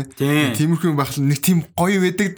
Надад бол яг action бол нэг тийм чухал биш зүгээр яг хөөрхөн smart тэгэл амар хөөрхөн байч болчихж байгаа байхгүй. Тийм кино бол. Тэр чинь угаасаа л юугаараа хүмүүс татчих штэ. Каст болон тэгэл нэг сонирхолтой акшн байна гэдгээрээ. Тэгтээ надаа нэр нь яг яг кино би бодж лсэн тэгэд киноныхоо дундуур нэрнийх нь учир гаргалах тэгтээ маркетинг хийж жоохон тэнийг нэр юм шиг санагдсан надаа. Аа тэгээд энэ юу юм бэлээ штэ. А манай хүн болохоор CIA agent Jessica Chastain тэгээ нөгөө хэд нь болохоор өөр улсуудын юм юунууд юм бэ эйжентүүд юм байна. MI6 байгаа. Тэгээ Германых байгаа тий. Тий MI6 хуучин эйжент нь болохоор энэ хин Lupita Nyong'o а тэгээ өнгөтэй Diane Kruger ч угаасаа герман жүжигчсэн тэгээ герман а тэгээ Penelope Cruz угаасаа Colum Colum а тэгээд хин Van Bimbing ятад. Van Bimbing болохоор Mysterious Woman гэж байгаа. Тэнгүүтээ Penelope Cruz болохоор нөгөө psychologist үлээ. Тий гэсэн. Тий. Тэнгүүтээ нөгөө трейлер дээр болохоор би ийм оролцохгүй маралцахгүй гэх тийм хэсэг гаяад. Тэгээ сүүлд нөгөө хин Эдгар Рамирес Себастьян хоёрыг Пенелопе Круз хоёрын юун дээр асанс гоё байсан. Нөгөө оо Netflix-ийн Аа би Netflix-ийн ямар кино үзлээ. Нэг action crime, crime action жийтэй нөгөө нэг хин мэдээ Wagner Moura энтертэй, Ana de Armas энтертэй. Аа. Wagner Moura, Ana de Armas, Penelope Cruz энтертэй shit. Тэр чи юу лээ? Тэр бас яг давгүй тун давгүй байсан шүү дээ. Нэг тийм амар сүртэй бол биш. Тэр шиг нэг юм каст те баг Netflix гэдэг уншиж чадсан гэж бодох шиг баг. Тэгвэл баг хурд. Тэг яг энэ канон дээр зүгээр яг юу биш л байгаасаа л гэж бодож нөгөө аа дэндүү феминистик бас биш нөгөө тэг ондоо нөгөөс ч юм уу яа энийг бол бүр дэндүү хүчилсэн ч юм уу. Тийм биш байгаасаа л гэж бодож байна. Тэгэхгүй бол тэгэл нөгөө эмгтээчүүд нэг жоохон нэг феминист гэхлээр жоохон хичүүлчих гэдэг талтай болохоор тийм биш зүгээр яг аим гоё played cool та. Надад бол ямар ч үсэн cool харагдсан. Нэг тийм хүчилсэн юм. Ер нь ямар нэг сэдв хүчлэг амар тэнэг байдаг шүү дээ. Wasp network. Аа тийм. Тэр гоёсан. Надад бол тэгтээ нэг амар нэг тийм амар феминизм гэл юм power ирээд байгаа юм бол харагддаг ш. Зүгээр л гоё spy action киноны. Яг трейлерээс унш тэгж харагддаг. Зүгээр канон үзэхэд тийм биш байгаасаа л гэдэг утгаараа л. Ер нь юмыг нормалайз хийх нь л гол юм шүү дээ. За дараагийн нь болохоор Sundance дээр нөгөө манай сонсчдын нэг нөгөө мэдээлэл өгж ярьжсэн кино байна. Minari гээд аа солонгос уран бүтээлч хийсэн. Тэгээд уран бүтээлч нь өөрөө бас ярилцлага өгчээсэн. Ингээд яг Sundance үеэр нөгөө подкастын дугаараар ярьжсэн шүү дээ. Аа тэгээд тэр сонсогчдоос баярлалаа. Тэгээд тэр киноны Минаригийн трейлер гарсан байна. Тэгээд энэ трейлер уу? Трейлер гарсан байна. Тэгээд одоогийн байдлаар Rotten дээр 100% үнэлгээтэй байгаа. Аа Sundance дээр үзсэн хүмүүс бол энэ киног бүр шүтцэн. Аа тэгээд Стивен Юм гол дүр тоглосон. Аа Ли Айзек Чун гэд уран бүтээлч бол энэ киног хийсэн байгаа. Тэгээд продюсеруудын нэгээр а Brad Pitt ажиллаж. Тэг өмнө продюсер шүү зүгээр нэг executive яа тэгэхээр нөө Plan B Entertainment кино бас production дээр оролцсон юм байна. Ийм байна. А тэгэд энэ киноны трейлер чамд ямар санагдав? А трейлер маш их таалагдсан. Би тэгээд яг трейлер үзэж байхдаа энэ киног үзэж яг өөлөх хаа гэж бодсон. Тэгээд юмэр чиндээ нэг тийм тэр солонгос гэр бүлийн тухай Аа. гэдэг нь амар мэдэгдэж байгаа. Тэгээд Америкт үйл явдал нь болж байгаа. Гэхдээ тэр Америк гэдэг яг ойлголтыг нөгөө бэкграунд нь оруулаад илүү гэр бүл гэдэг арай наан талтай юм да. Тэгээд яг уу Америкт ирээд яг American Dream гэж юу вэ гэдгийг бас амар discover хийж мэх юм шиг байна. Тэгээд тэр нь болохоор underlining гэх юм уу да. Жохон спортын талаар орж илүү гэр бүлийн талаар илүү тэр гэр бүлийн struggle талаар. Тэгээд надад яг тэр нөгөө өөр cultured очих. Тэгээ generation-ы cultural ялгаа гарч байгаа.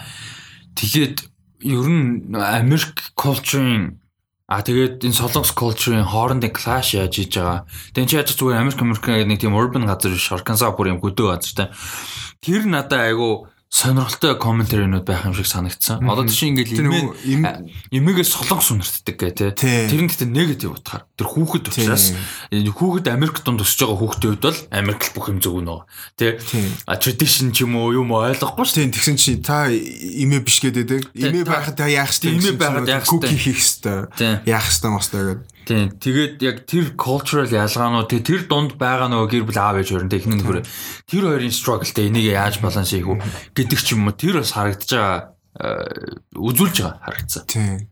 Трейлер бол надад амар таалагдсан. Бүр энэ амар үзэсгэлэнтэй амар тийм юу мэрч юм дээ. Сэтгэлд хэцүү ч гэсэн тэгээд даа үзэхэд амар гоё кино байна. Хаал ирвэ. One thing about A24 зөвхөн одоо гоё сайн кинод хийдгээсээ одоо оролцдгоосаа гадна За нэгдүгээр өөртөө маш сайн маркет хийж чаддаг. A24 гэдэг нэрээ маркет амар сайн хийдэг. Тэгээ одоо A24 гингүүт киноноос нь илүү уран бүтээлчдээс нь илүү оо A24 кино гэж сонирхдаг болц. Тэгээ одоо тийм болчихлоо шүү дээ. Бид нэр подкаст өгөж эхэлж хахад A24 хүмүүс мэдгүй байна гэдэг байсан тийм. Тэгэд одоо ийм болчихлоо. А нэгдүгээр а хоёрдугаарт A24 биш үү? Ямар ч сонин weird кино, ямар ч team кино байсан гэсэн they can make one fine trailer нэр. Бүр ингээ ямар ч кинон дээр гоё трейлер хийж чаддаг. The fucking first cow гэх кинон дээр ямар гоё трейлер байсан те. Амар weird concept-тэй драма тэгэхэд трейлер нь ямар гоё байсан. They really know how to make good trailers. Тийм, тэгээд энэ дээр яг яг бүр яг юу за юу болсон цаашаа. Гэтэ яг ойлголт өгч байгаа шүү дээ. Америкт гэр бүл ирсэн. Тэгээд struggle байгаа тий. Тэнгүүт ингээд тэнчэнээс яг хүмүүсийг нь хангалттай зүгээр л яг ингээд бүр татаж оруулахаар хангалтайг үзүүлээл. Яг трейлер гоё хийсэн мод байгаа байхгүй илүү ч өгөөгүй дутууч өгөөгүй. Тэгээд ялчгүй тий. A24 ялчгүй трейлерыг ялчгүй сайн хийгээд байгаа маа. Энэ энийг үзээчсэн ингээд баг энэ каныг хордог үзэх юмсаа гэж боддог трейлернаас тэгээд аагаа харагдал атмосфер нь айгүй гоё. Трейлерийнх нь. Тэгээд эвлүүлэг нь айгүй гоё. Нэг тийм аа ер нь гоё гэдэг үг айгүй гоё таарах ба. Тийм. Яг энэ киноны тэгээд зураглал айгүй гоё таарч. Өнгөний. Аа тэгээд тэр нөгөө нэг шотуудынх нь барил. Одоо тэр нөгөө нэг хүүхэд нь ярьж байгаа, дэмэтэй ярьж байгаа тэр шот хүртэл дээр доороо амарын перспективыг нь өөрөөр гаргасан айгүй гоё харагдана лээ. Аа. За тэгээд э, бас ингээд би юуг нь яах гээд релиз дэйтийг харахсан чинь релиз дэйт байхгүй байна. Тэгээ 124-ын бас жоохон боломжтой хандж магадгүй нөгөө кино театрууд бас асуудалтай байгаа. Сая Regal гэдэг кино театрын Cineworld гэх компани дэлхийд даяар байдаг бүх театруудаа энэ дөрөвдөөс эхлээд одоо хааж байгаа юм билээ тодорхойгүй хугацаагаар. За тэгээд Америкт хамгийн том одоо сал одоо сүлжээ театр нь Regal гэх театр байдаг. Аа тэгээд өөр бас бас олон театртай. Regal Cineworld гэдэг компани бол хааж байгаа юм билээ. Аа тэгээд тэрнээс ахуулаад ер нь бол Америкт кино Америк гэлтгүй глобал кино театр салбар бол маш хүнд байдалд орчлоо. Одоо удахгүй угаасаа хойшсон киноны талаар ярих бах ийм байдалд орчлаа. Тийм учраас A24 бас болгоомжтой хандж байгаа бах. Шууд өдөр зоохоос илүү. А тэгээд сонирхолтой маш би нөгөө нэг релиз дэйтэнд харах гад зүгээр яг залхуураад э, YouTube видео нэг нэг description доош нь болохгүй. Тэгээ харсан чинь coming soon гэд Saint Mod The Green Knight Solo 3 гэж бичсэн байлээ. Тэр надад амар таалагдсан. Ягаад тэгэхээр Saint Mod Green Knight хоёрын трейлер бүр жилийн өмнө баг худалж гарсан. Тэгээ бид бүр моги зөөги бид сууж байгаа подкастаар ярьж ирсэн трейлерыг. Тэгээд бүх юм сайхан байх бай. Тэгээ 20 он оптимистик харагдаж байгаа үед бид нэр тэ кино дутхгүй гарах чинь гээд ингээд гоё хайптай ярьж ирсэн. Тэгээд одоогийн байдлаар тодорхойгүй. Гэхдээ тэр дунд бол coming soon гэдээ яг энэ гурыг highlight хийсэн маань бүр амар hype надад өгсөн. Яг тэгэхээр Saint Mod энэ жилийн миний хамгийн hypeтай аим шиг кинодын нэг байсан. Conjuring 3, Quiet Place 2 А тэгээд юу Saint Mod гэдэг энэ гурван кино миний хамгийн хайптай аим шиг гурван кино байсан. А тэгээд Green Knight, Big Green Knight бүр бүр амар хүлээж байгаа Dev Patel-ийн тэгээд а coming soon гэсэн болохоор би бүр амар хайптай байгаа. А тодорхой хэмжээнд ядаж трейлер ч юм уу заах трейлер нь гарцсан л да ялангуяа Saint Mod юу Green Knight-ээр энэ хоёр удахгүй релиз гарч иж магадгүй тэгээ Zola трейлер бас гарч иж магадгүй. Тэгээ би амар хайптай байна. А дараагийнхан за ингээ мэдээлэл рүү орж эхэлж байна. Аа за энэ бол нэлээд том мэдээ гэж хэлж болно. Аа Francis and the Godfather гэдэг нэртэй кино бол хийгдэж байгаа юм байна. За тэгээ энэ кино болохоор Francis Ford Coppola, Robert Evans гэдэг Paramount студийн одоо тухайн үед байсан ерөнхийлөгчтэй. Одоо толгой нь удирдахч захирал босс юу гэж нэрлэнэ те. Ийм хоёр хүний тухай кино бол хийж байгаа юм. Godfather нэг киноны одоо хийгдэх процессын үе тухай кино. А энэ бол айгу сонирхолтой ID байгаа. А тэгээ Francis Ford Coppola-гийн дүрд Oscar Isaac а тэгээд Jake Gyllenhaal Robert Evans-ийн дүрд тоглож байгаа. Тэгээ Barry Levinson болол энэ киног найруулахаар ажиллаж байгаа маань. Найруулах зохиолын бичээд бас найруулахаар ажиллаж байгаа маань. Тэгээ энэ бол айгу сонирхолтой мэдээлэл байна. Тэгэд яга жоохон юу өгөхөд а перспектив те. Жоохон перспектив контекст sorry перспектив шүү. Контекст өгөхөд тухайн үед Francis Ford Coppola залуу уран бүтээлч байсан. Эхний Godfather шүү дээ. 31-тэй 31 настай залуу уран бүтээлч байсан. Роберт Evans мэдээж Paramount студ бол одоогоос хамаагүй том байсан. А тэгээ студийн захирал гэдэг чинь ямар том бэлээ те а тэгээ Godfather дээр кастинг маш том асуудалтай байсан. Бид нар одоо харахад леженд А гэхдээ тухайн үед бэлбүүн асуудал юу гэхээр Marlon Brando ингээ залуутай суперстар байжгаад нэлээ унтсан. Тэ архинд ороод ер нь хэцүүч зантай хүн хамтарч ажиллаад хэцүү те. Ийм тэгээд нэг одоо нэлээ хитэн жил өлтөө кинон тоглоогүй те. Ер нь карьер нь унжаага washed out те. Ийм холидийн хуучин мод гэж яригддаг ийм хүн болцсон байсан. А тэгээд нөгөө том жүжигч Майкл Корлеоне дүр тоглож байгаа Роберт sorry Al Pacino. Al Pacino сургуу залгамж үсгсэн те. Италигалтай л багийн дөрөөс шин ерөөдөө сургуу. Ийм касттай тэгээ 31 настай жүжигчин тэгээ ийм том сэдвтэй тий. Ингэж яхад бол асуудал маш их гарч ирсэн. Итгэл бол хэцүү байсан студиэс зөвшөөрөл өгöd хэцүү байсан зөвшөөрөл өгснөний дараа ч гэсэн хийх процесстууд маш их оролцож байсан. Италийн мафууд хүртэл оролцож байсан юм. Одоо тэгээ Нью-Йоркт энэ мафууд хүртэл оролцож байсан юм асуудал байдаг. А тэгээд энэ процессын тухай кино хийж байгаа нь нэгдүгээр надад аягүй сонирхолтой байна. А тэгээд хоёр маш сайн жүжигчин те өнөө цагийн хамгийн сайн жүжигчтэй нэг жүжигчний хоёр тоглож байгаа гоё. А дээрэс нь найруулагч. Яг би бүх киног нь үзээгүй. Гэхдээ Barry Levinson өөрөө айгүй сайн найруулагч, домогтой домогт урамтай ч одоо 80 үрж байна. А хүмүүс юугаар мэдгүй Good Morning Vietnam-аар мэдэх бах. Роберт Роби Робин Уильямс тоглосон. За тэгээд юугаар мэдэх баха. Rain Man. Rain Man киногоор сайн мэдэх бах Оскар авсан. Мань хүн хоёр ч Оскар авсан тэр киногоор. Тэгэхээр тэрүүгээр мэдэх бах. Тэр нь бол ийм сайн уран бүтээлч оролцож байгаа. Тэгээд дээрэс нь сайн одоо уран бүтээлч хийж байгаа, уран бүтээлчд тоглож байгаа. Болохоор надад айгуу сонирхолтой санагдаж байна. Чиний хувьд энэ дээр прожект дээр ямар сэтгэлтэй? Тийм саяхан Godfather-ыг үзсэн болохоор яг үз дуусаад дараахан шууд ингэж гараад ирэнгүүт оо оо окей. It's nice nice nice гэ. Яаж яах нөгөө шууд хамгийн ихэнд нөгөө харсан мэдээлэл болохоор юу нэсэн мөхгүй юу?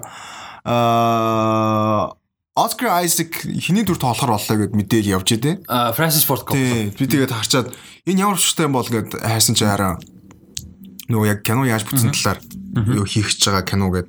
Би тэгээ бас тэр тал дээр бас бодож байгаа нөгөө Francis Ford Coppola ч одоо байгаа шүү дээ өөр. Тэгэхээр бас яг энэ кинонд оролцоотой байх юм бол нэг бол Oscar Isaac нэг бол зүгээр очиж уулзаад те нэг тийм character. Тийм л баг. Тийм тиймэрхүүн байдлаар явах болов. Тэр нь бас надад амар сонирхолтой харагдаж санагдаад. Оскар Айзек мэдээж зүгээр юу яах вэ? Үлгэр жишээ авах те мэдээж. Тэр үед одоо перспектив чи ямар байсан бэ. Түүнээс биш яг юу байхгүй хаа. Канонтой нэг Francis Ford Coppola яг Barry Levinson ч өөрөө баг Francis Ford Coppola-гаас ах уран бүтээлч байгаа учраас нэг тийм амар юу байхгүй хаа. Тэгээ дээрэс нь Barry Levinson энэнд яаж хандхаас бас хамаарах бах. Ер нь нөгөө нэг biography кино мэн чинь продюсерүүд ялангуяа том найруулагч байгаа том найруулагч нөгөө нэг каст айгу контролтой ч зарим нь болохоор ингээд одоо уулзахтай тэр нөгөө нэг жишээ авч байгаа дүрдэн тоглож байгаа хүмүүс эсвэл нөхцөл байдалд нь оруулдаг бэлтгэл хийлэгдэх ч юм орчинд амьдруулдаг хэлийг сургадаг эсвэл одоо бүр уулзуулдаг те. Зарим нь бол бүр хатуу уулзуулдаггүй. Те ингээд зөвхөн өөрөө одоо ресерчээр хий. Эсвэл зарим жүжигч хүртэл тэгдэг те.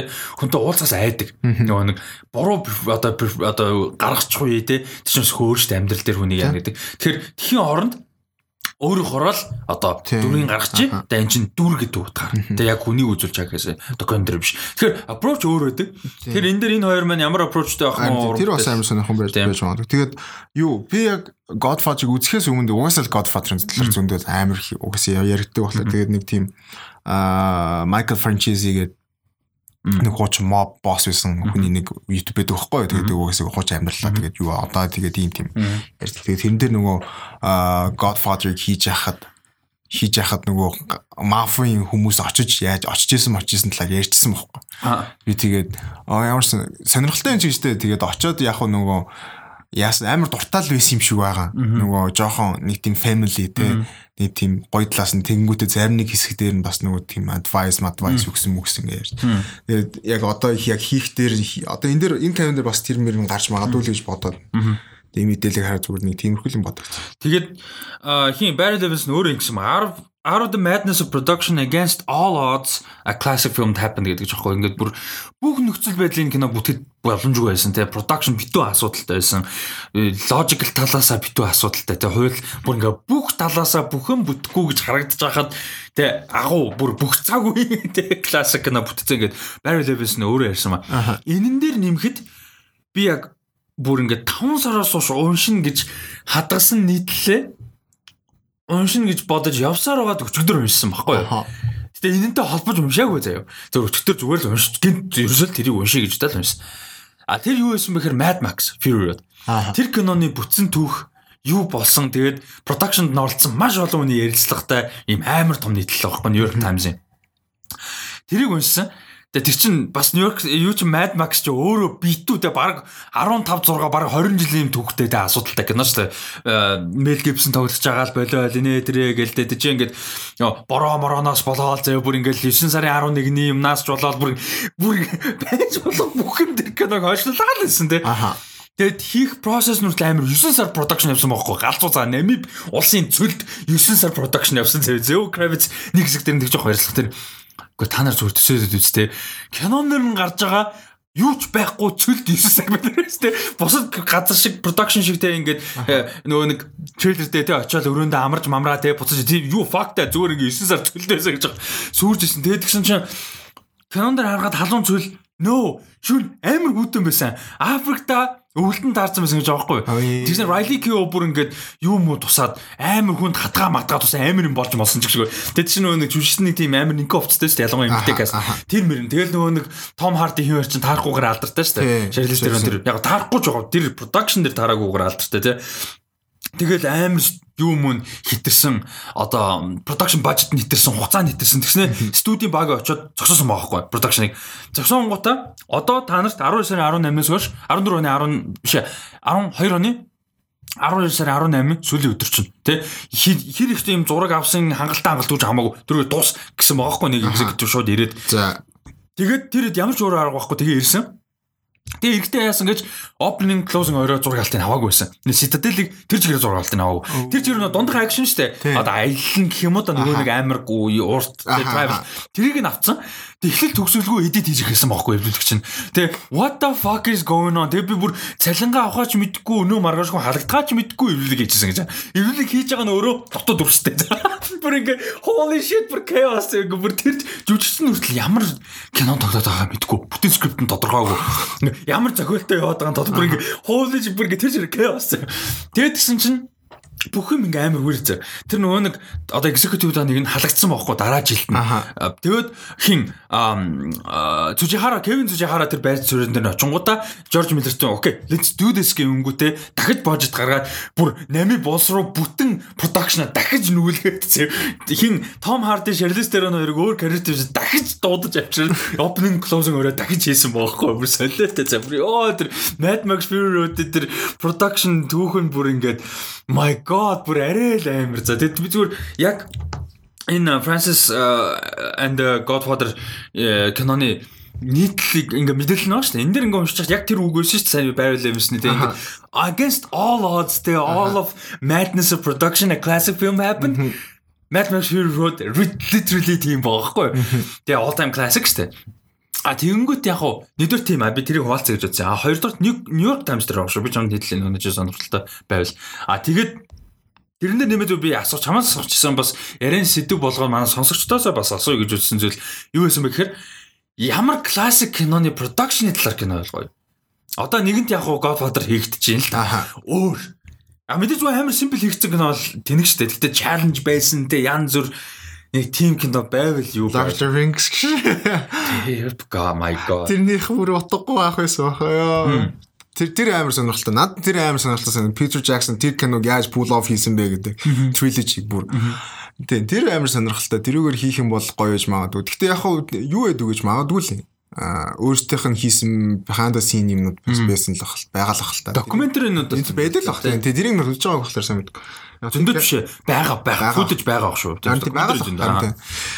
Тэр сонирхолтой тэгээд өөр чин юуных Terminator надад амар сонсон санагдана. Гэхдээ яг хуу Terminator 2 л доо T2 Judgment Day бас хийсэн юу амар гоё байж магадгүй гэж бодогдтiin.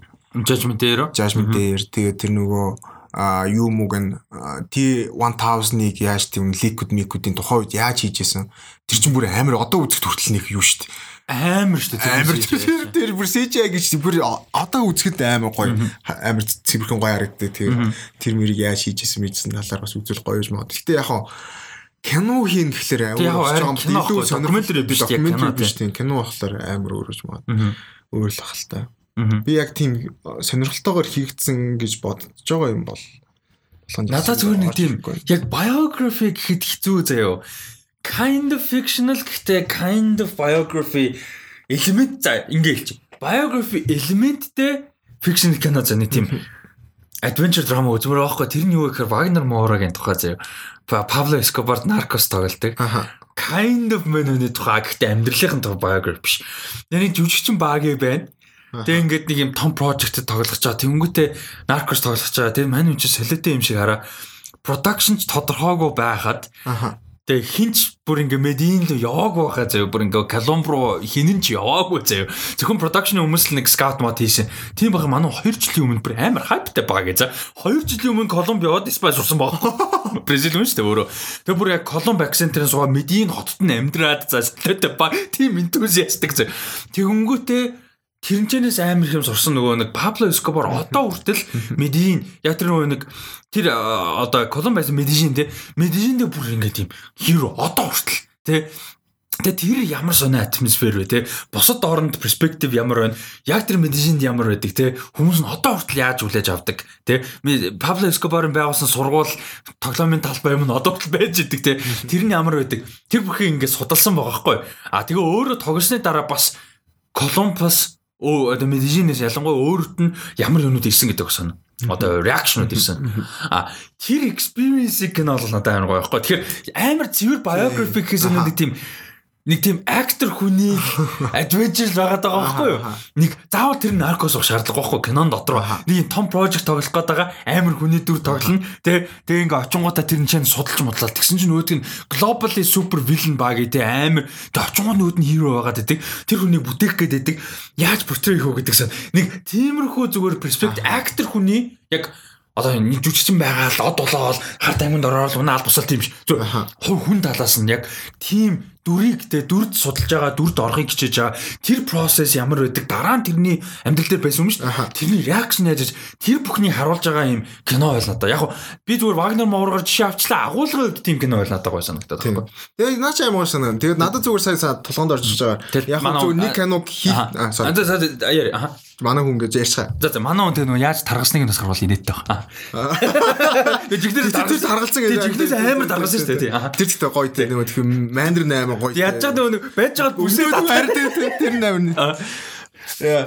Зүгээс толгонд орсон яг хаа илүү biography кино банд байх яг энэ кино ингэж бүтсэн тэр кино тэгж бүтсэн гэхээс илүү гэхдээ яг хаа киноны нэг хэсэг нэг тиймэрхүү маягаар Stanley Kubrick-ээр тэгж кино үйл гоё байж байгаа байна. Яг хүн нь хин бэ гэдэг. Хүн нь хин бэ? Яа энэ ямар хүн байсан? Одоо жишээ нь юу вэ штэ?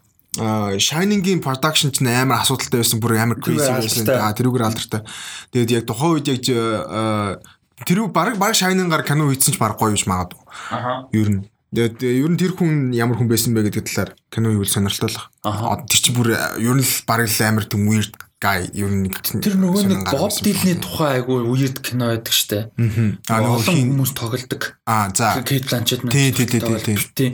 Тэр шиг нэг тийм үе үе генерашныг өөр хүмүүсээр харуулсан мини series энтер байвал гоё юм санагдаад байгаа юм надад Stanley Kubrick, Hitchcock, Michael Jackson, Schwarzenegger одоо хим нэг юм The Prince тэ нэг юм David Bowie нэг юм амар олон жил карьер нь явцсан. Тэгээ олон жил явахын тулд амар олон фейстэй байдаг.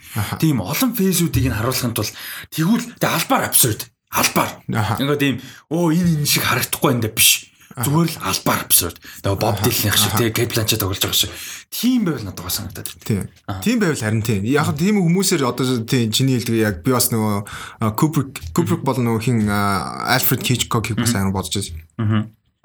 Тийм, тиймэрхүү бивэл яг л өдөртөө яг хуу жоохон залхуурлын юм л да миний бодож байгаагаар болохоор. Яг л би нөгөө нэг судалчдаггүй киног нь үздэггүй биографи үзчихвэл нэг гой байх гэх тий. А тэнгууд нэг тийм цэг урталт нэг ихлүүлэх гэдэг шүү дээ. Аа за ийм байсан. Энэ чинээс эхлээд энэ ямар ч нэг дараа нь уншихад нэг тийм ч юм. Жоохон залхуурлын юм дээр яг хуу. англитэй одоо ийм асуулт байна л да. Надад ч холбоо. Надад бас одоо гарч ирж исэн сэдв ерөнхийдөө. Юу гэхээр чин сайд юу надад бүх юм зүгээр байсан бол юу удахгүй гарах байлаа шүү дээ. Тэгэхэд би амар конфликтэд байсан байхгүй бүр он гараад амар хайптай болоод энэ production crew дээр ойлгомжтой. Тэгээ би зүгээр бодсон новелын төрүүлээд унших уу? Эсвэл киног нь үзчихэд уншваа. Тэгээд тэгж юу гэхээр новелын төрүүлж унших юм бол мэдээж энэ агуул новел те. Ингээ legendary novel 6 новел ялангуяа зургуулыг нь унших юм бол ингээ гоё. А гэхдээ киног нь үзэхээр нөгөө одоо мэдчихгээд шүү дээ. Бас тодорхой плот юмнууд байна. А тийхүү эсвэл киног нь үз. Одоо тэрнтэй адилхан Хичкокийн эсвэл одоо Stanley Kubrick-ийн тухай мэдчихэд те киног нь юм үзчихэд киног нь үзэхөө эсвэл карьерийг нь appreciate хийчихэд дараа нь юм үзэл гоё. Тэр бас ингээд нэг тийм перспективтэй юм байгаад байгаа байхгүй бай байгаа байгаа тийм. Гэтэ яг хаа би бод нэг ном дээр ялчгүй тийм нэг эхлээд киногоо үзчихээ дараа нь уншлаар арай өөр байд. Яг л нэг харьцуулаад бодоо бодоо явждаг болохоор энэ дээр ингэсэн юм. Тэрэн дээр chronological гэдэг нэг англ байгаа. Юу гэхээр бид нар анханасаа зүгээр appreciate хийсэн юмны тухай дараа нь одоо жишээ нь Amy Winehouse докюментари Whitney те зүгээр жишээ авах дээ. Тэд гоё үү. Яа тэр би тэр хүмүүсийг сонсоод өссөн. За нэгийг сонсч өсгөн ч хайшин. Одоо сүүлийн үед нь сонсдог байсан. Нэгийг бол бүр хэр хөхт байгаасаа сонсдог байсан те. Гэт naturally тэгсэн. А тэгээ дараа нь нас усныхан дараа баримтат киног нь үзэхэд гоё байхгүй. А тэгэхэд баримтат киног нь үзээд дууг нь илүү appreciate гэж юмс бас байгаа. Тэ Одоо сүүлд тэр нөгөө юуны докюментарийг үзээд ч юм уу одоо Beastie Boys те тэгчээ Beastie Boys-ыг appreciate appreciate юмс бас байж болно шүү дээ. Тэр шиг за аль нь яг зөв буруу хүний зөв гэхдээ зөв хувь хүний хувьд аль нь илүү зүгээр байдаг чиний. Тэр талаас нь. Одоо хүмүүсийн зөв гэхээр бас хэцүү л дээ. Надад бол яг тэгээд experience-ээс бодохоор chronological нь зөв байгаа байхгүй. Юмны учрыг нь те таймлайныг нь илүү ойлгож ээж тэгжээж нөгөө юмных нь одоо нөлөө нь илүү appreciate хийгдэт байгаа байхгүй. Надад бол янз янз. Аха. Яг уу одоо жишээ нь би анханасаа ингээд follow хийхгүй байж байгаад үдцсэн юмыг дараа нь нэг incentive төрүүлчихэд байгаа байхгүй. Бас тийм. Тийм. Тэгэхээр Оо энэ ямар гоё юм бэ? Энэ хүнийг би ямар мэддггүй байсан юм ба шүү дээ. Энэ хүний талаар илүү мэдэж олох юмсан гингүүт тэр хүнийг илүү судлаад эхэлчих байгаа байхгүй. Тэгэхээр яг хуу чиний хэлж байгаа нэг бодлын зөвчс нөгөө талаараа бас ч гэсэн нөгөө өөрөөр нөлөөлөх мөн нөлөөл байгаад юу мөр чинь. Тийм багасаа сонсоод ч юм уу яг ингээд яг одоо цаг хугацааг нь дагаад явцсан таймлайн мэддэг ч юм уу. Тэгээд дараа нь яг бас бас яг үнэн илүү appreciate хийдэг, мэддэг. Яг л чи яг тухайн үед нь хамт амьдраад ирсэн болохоор оо энэ чинь юм биш. Чиний бас мэдхгүй юм гараад ирэх юм бол тэр чинь бүр илүү амттай болдог. Тэгээд мэдхээсээ гадна сэтгэл хөдлөлтэй сэтгэл хөдлөл ч юм уу. Тэгээд тэр нь гоё. Аа. Тэр дээр бас манай сэтгэлээ болцоор төрөний асуултан дээр ч гэсэн те ямар production дээр ямар киноны хийцэн production-ы талаар бас одоо хийцийн талаар кино бол гоё. Би бол Narcos тэгээ Wagner Moura гэж бодоод. Би бол Kubrick тэгээд Shining гэж бодох юм. За, Kubrick-ийн хэн төгөлөө? Бас Oscar Isaac байл тарах тий. Нийт. Харин Wagner Moura бараг байх юм шиг шүү. Яг арай жоохон латинт чихлах л та манай. Яа, yes. Тийм бараг л Oscar Isaac тийм тийм. Яг Oscar Isaac ч латин гаралтай. Гэтэ хэнийг бодвол арай арай Тийм байна тийм. Оскар Айзек тэгвэл бүр халах юм шүү. Ford Coppola тоглоал, хинт тоглоал, Kubrick тоглоал тэгээд яаж хийж байгаа бүр илүү тархалаа төвсөө усаад Hitchcock тоглолцвол бүр халах юм шүү. Гэтэ Hitchcock тоглох юм биш байхгүй бах тий. Кэрсэн байлээс өөр. Ер нь тийм те. Яг тэгтээ тэгж таргалвал тэгээд өгчхөөл хөдөө өрх юм. Арай л дийлэхгүй. Арай дийлэхгүй. Тэгж л арай л таргал. Тийм тэгэхээр зүгээр бад сүт мөтлөл яах вэ? Тэгж таргална гэж. Тэр бол байхгүй. Тэр чинь Крис Хичкок ч бүр амар бүд. Харин тийм амар өсөн дээ. За. А дараагийн мэдээ what the hell гэсэн мэдээсэн. Spider-Man 3 за одоо нөгөө нэг Sony Marvel Studios хамтарч байгаа 3 шүү дээ тийм MCU Tom Holland 21 оны 12 сарын 17-нд байгаа хойшлох бах. Энэ дээр Jamie Foxx электрогоор буцаж ирж байгаа. Гэхдээ энэ мань хүн нэг Instagram пост гэж устгацсан юм байна. Тэр надад амар чухал хэсэг нь байлаа. За амар чухал хэсэг. Тэгтээ устгацсан. Тэрэн дээр юу гэсэн бэ гэхээр манай хүн Super excited uh, to be part of the new Marvel Spider-Man new installment and I won't be blue in this one but a thousand percent badass гэсэн маа. Энэ нь надад амар чухал санагдсан. Тэгтээ устгацсан байлээ та. Тэгээ устгадаг нь нэгдүгээрт амар ачаалал яасан гэхээр blue гэдэг тэгэнгүүт Нийлээ цэнгэр нөгөө нэг байсан шүү дээ электро Amazing Spider-Man. Тэр Spider-Man биш болж байгаа. Тий. Тэр электро одоо нөгөө alternate universe бра бла биш зүгээр цэвэр new character зүгээр Jamie Foxx happens to play him. Бага байхгүй юу? Тэгэхээр нөгөө нэг комикны weird электро шүү дээ амар тэнэг хувцууртай захилгааны маск заастай. Тиймэрхүү электро гэж магадгүй надад санагдсан. Яг гэхдээ энэ кул болгох ч юм л та. Тийм яг мэдээж болгох ч л та. Тийм болохгүй нэг арай жоохон тим инфлюенстэй болгох ч гэдэг тэгч байх гэж би бодлоо. Тэгээд угсаа Jim Fox чинь бүр амар мундаг жүжигчин шүү дээ. Тэгээд оёор ашиглах юм бол тэгээд гоёлохгүй юу? Тэгээд би энэ дээр бол амар хайптай байгаа, амар excited байгаа. Би бүр ингээд тулцсан excited. Яг сонио. What the fuck гэдэг нь гэхдээ нэг юм ээх биш байхгүй юу? Зүгээр амар excited мөрчлөө what the fuck юу вэ гэж одоо тийм. Тэнгүүд бас нэг бодлын бас гоё өөр ертөнц гэж харж болохгүй. Яагаад гэхээр зүгээр яг адилхан Джона Джеймсон ороод ирсэн болохоор одоо зүгээр хүл accept хийж баггүй юу? Тийм тийм тийм тийм. Тийм болохоор харин тийм exactly. Тэгээд Зүгээр л нөгөө одоо жишээ нь юу юу гэдэг чинь комик төр чинь parallel universe гэдэг чинь адилхан хүмүүс л байгаа шүү дээ харагдах байдлаас. Яг одоо одоо хийх юм бол Andrew Garfield энэ төргээд өөр л болох. Гэхдээ Electro болохоор зүгээр яг адилхан нэг хүн. Гэхдээ зүгээр харагдах байдал нь зүгээр. Тэгэл болоо зүгээр тэр нь амар сонирхолтой. Яаж хүчтэй болсон ч өөр ч юм уу те болж байгаа байхгүй. Би бол энэ дээр бол амар excited байгаа. Хамгийн их харчаад гэхдээ хөө what the fuck гэж ялч гэж бодогдсон. Аа. Тэгээд 21 э, оны 12 сард ууланд байгаа гэхдээ энэ баг хойшлох баг. Хойшлох уу? Тий, тэр бол баг тодорхой. За хойшлсон талаар уусаа ярина бодохгүй. За дараагийн мэдээ нь бас сонирхолтой мэдээ. Tony K гээд аа одоо клипний найруулагч. За бас кино найруулагч байдаг. А юугаар хамгийн алдартай American History X гээд Edward Norton тогсон маш мундаг кино байдаг. Edward Norton Oscar нэр дэвшижсэн. А одоо хин бас тоглосон шүү дээ. Тэрэн дээр чинь нөгөө хин юу Terminator Judgment-ийн хүүхд тоглодог байж тээ. Дүүд нь. Би үзэж байгаагүй. А чи American History гэж үзэж байгаа. Байгааг бол please please please please please please please үзээрэй нэр. Үнэхээр бүр сүүл нөгөө HBO дээр гарч ахлаар нь за энийг үзэхүү байх уу гэж байгаа. Тэгээд чи HBO дээр үзэх хэрэггүй. Юу яа? Юуар нүц торрент. А нөгөө юу R-rated үзсэн. R-rated үзсэн. Sensor sensor амар кино. Тэгээ ер нь basic plot нь юу вэ гэхээр юм юу баги нео наци баги тэгээ шоронд шоронд ороод тэгээ гарч ирж байгаа. Тэгээ гарч ирээ шал өөр амьдралын перспективтэй болсон. Тэгээ тэрний талаар гарч байгаа. Аа ийм кино бол байгаа. Тэгээ ер нь подкаст хийхэд Datkогийн хөл бол маш дээрлэх үү. Аа тэгээд хөлөө яачлаа. Яачлаа. За тэгээд аа а энд энэ найруулагч шинэ кино хийхэр болж байгаа маань African History Why гэдэг нь. Тэгтээ би why гэж яхаар яг why гэдэг нь why гэдэг үг гэдэг шүү дээ. Яагаад гэдэг утгаар оруулсан байж магадгүй гэж бодоод би окей гэж. Түнш нэг бол зүгээр зими гэсэн бол хамаагүй дээр үс юм болоо дуутахад бас харахад why үсгэж байгаа хайгуу. За би би тэрийг бас амар гайхсан. Зүгээр би хамгийн ихэд American History X гэж дийнхаа дүржлэлний болов гэж ойлгохгүй юу? Аа үгүй л дээ. Энэ болохоор яг болоод явцсан. Тэр яг ягаад тэр нэрийг заавч ашиглах шаардлага гарсан бол гэдэг. Яг тэр нь зүгээр адилхан перспектив харуулах жаал гэсэн үг л дээ. Агуулгын хувьд. А тэгээ Жимо Унсу тоглож байгаа. Тэгээ Жимо Унсу гол дүр тоглосон African History Y гэдэг нэртэй кино хийхээр болж байгаа юм. Тэгээ энэ болохоор цэвэр African perspective, African experience-ийг одоо энэ racial racial талаас нь нийгэм талаас нь харуулна гэж байгаа. Тэгээ тэрнэр бол би айгүй хайпи байгаа. Аа тэгээ дээрэс нь бас нэг амар баярлж байгаа юм юу гэхээр Жимо Унсу гол дүр тоглосон кино үзмээр байна. Жимо Унсу ямар мундаг жүжигчин гэдгийг бүгдээрээ мэддэг бид нар. Гэхдээ Манайд яг ингээд гол дүр төрөөс тоглох маань амар хамстай байхгүй. Манай хүн чинь Chadwick Boseman болохоос өмнө яг The Black Panther байлаа шүү дээ манай хүн чинь. Би эдийг хийсэн Black Panther дүртэл дуу оруулж ирсэн манай хүн чинь. T'Challaгийн дүрд. Тэгээд мань хүний гол дүрт харна гэхээр айгу гоё байна. Айгу happy байна. А тэгээд сонирхолтой өнцгтэй гоё кино олоосаа гэж а найдаж гин тэгээ African Story зөндөө байгаа тий бидний түрүүн ярьжсэн Netflix дээр одоо өөр орны перспектив өөр орны experience кино перспектив бид нар үздэг болмоор нь үзэж сурмаар байна тий олж үзэж юмэр байна а бас ийм уран бүтээлчд маань хийж юмэр байна тий тэгэнгүүт тэрийг энэ бас айгуу гоё нөхж байгаа гэж харагдаж байна ягаад тэгэхээр бид нар African перспектив айгу муу штэ. Африкийг бид нар дандаа Америкийн ч юм уу баруун Европын одоо нүдээр хардаг те.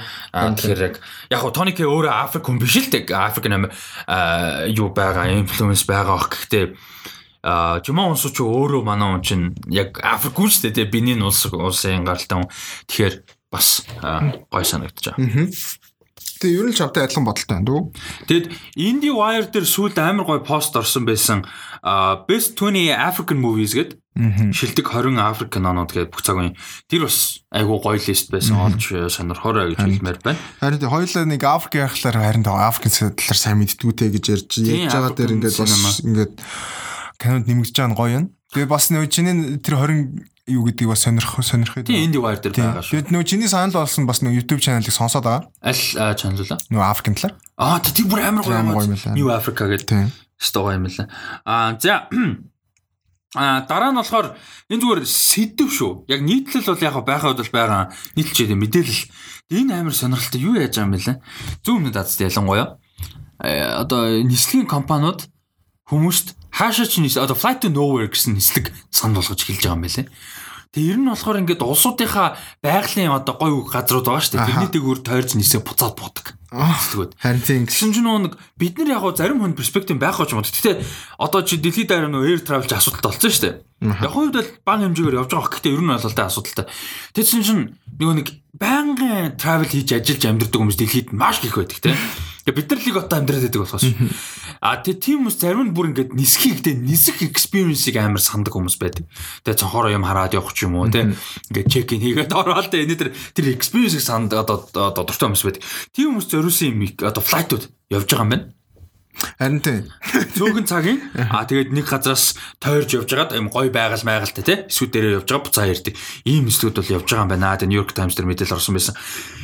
А нэгдүгээр энэ талаар ямар сэтгэлтэй энэ дээр нэмээд би яг асууч манай сонсож байгаа хүмүүс бас аа өөрсдөө ч гэсэн хариулахад ямар газар руу нислэг байвал яг юм хоосон нислэгээр явах вэ? Хоосон гэдэг нь зориггүй нислэг шүү дээ. I mean destination гоо нислэг буцаад ирэх.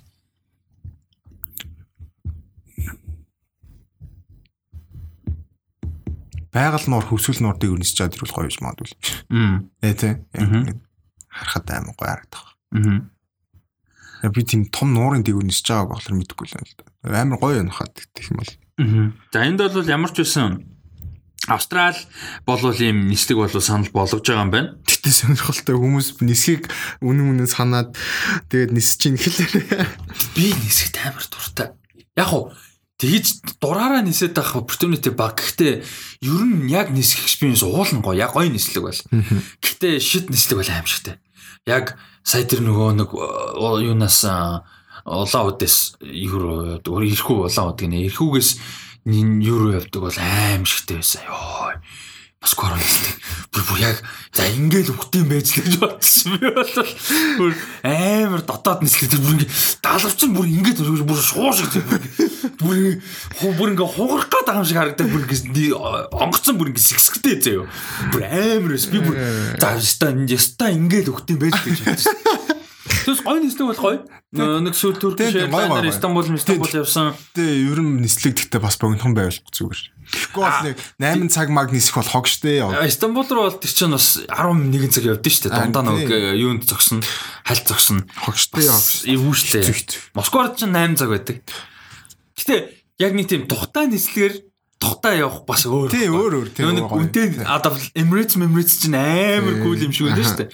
Чин Turkish Airlines бол гоё л өст. Евро нисгэд Истанбул руу. Гэтэ угаасаа нисэх гэдэг концепт өөр гоё зүйл болохоор гоё л доо. Одоо чинь зориггүй нисэж байгаа шүү дээ. Очих газаргүй зориггүй нисэж байгаа. Тийм. Тэгэхээр заавалчгүй олон юм чирж явах шаардлага болчихж байгаа байхгүй. Enjoy гэж явж байгаа гэдэг цаад утгаараа илүү баг. Тийм. Тийм болохоор цаад утгаараа шүү илүү гоё тий. Очоод өдрийн хоолоо идээд тэгээд нэг гоё сайд суугаад суугаад тий.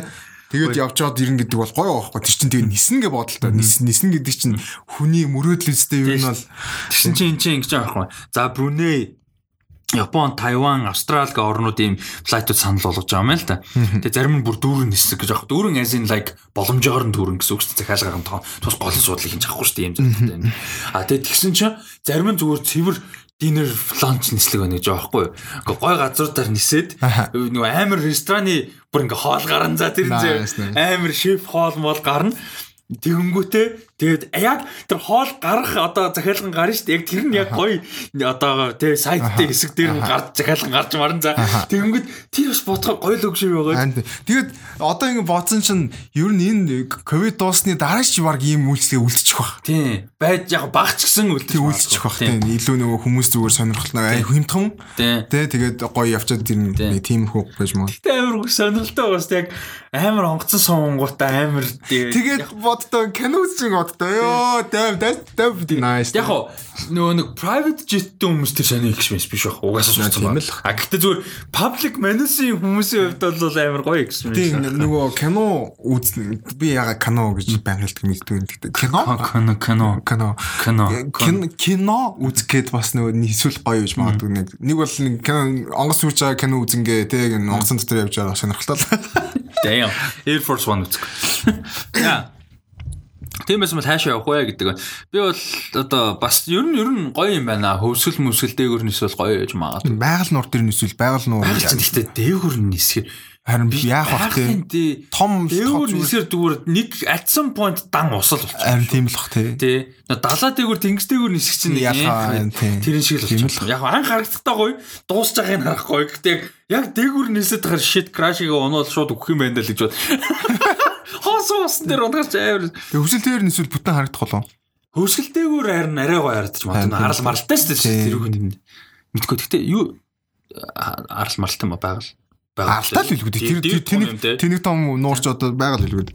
За дараагийнх нь болохоор зүгээр жижигэн жижигэн мэдээнүүд нөө Regina King зохиолын бичээд биш найруулагчаар нь ажилласан One Night in Miami кино Amazon руу орохоор болсон байна.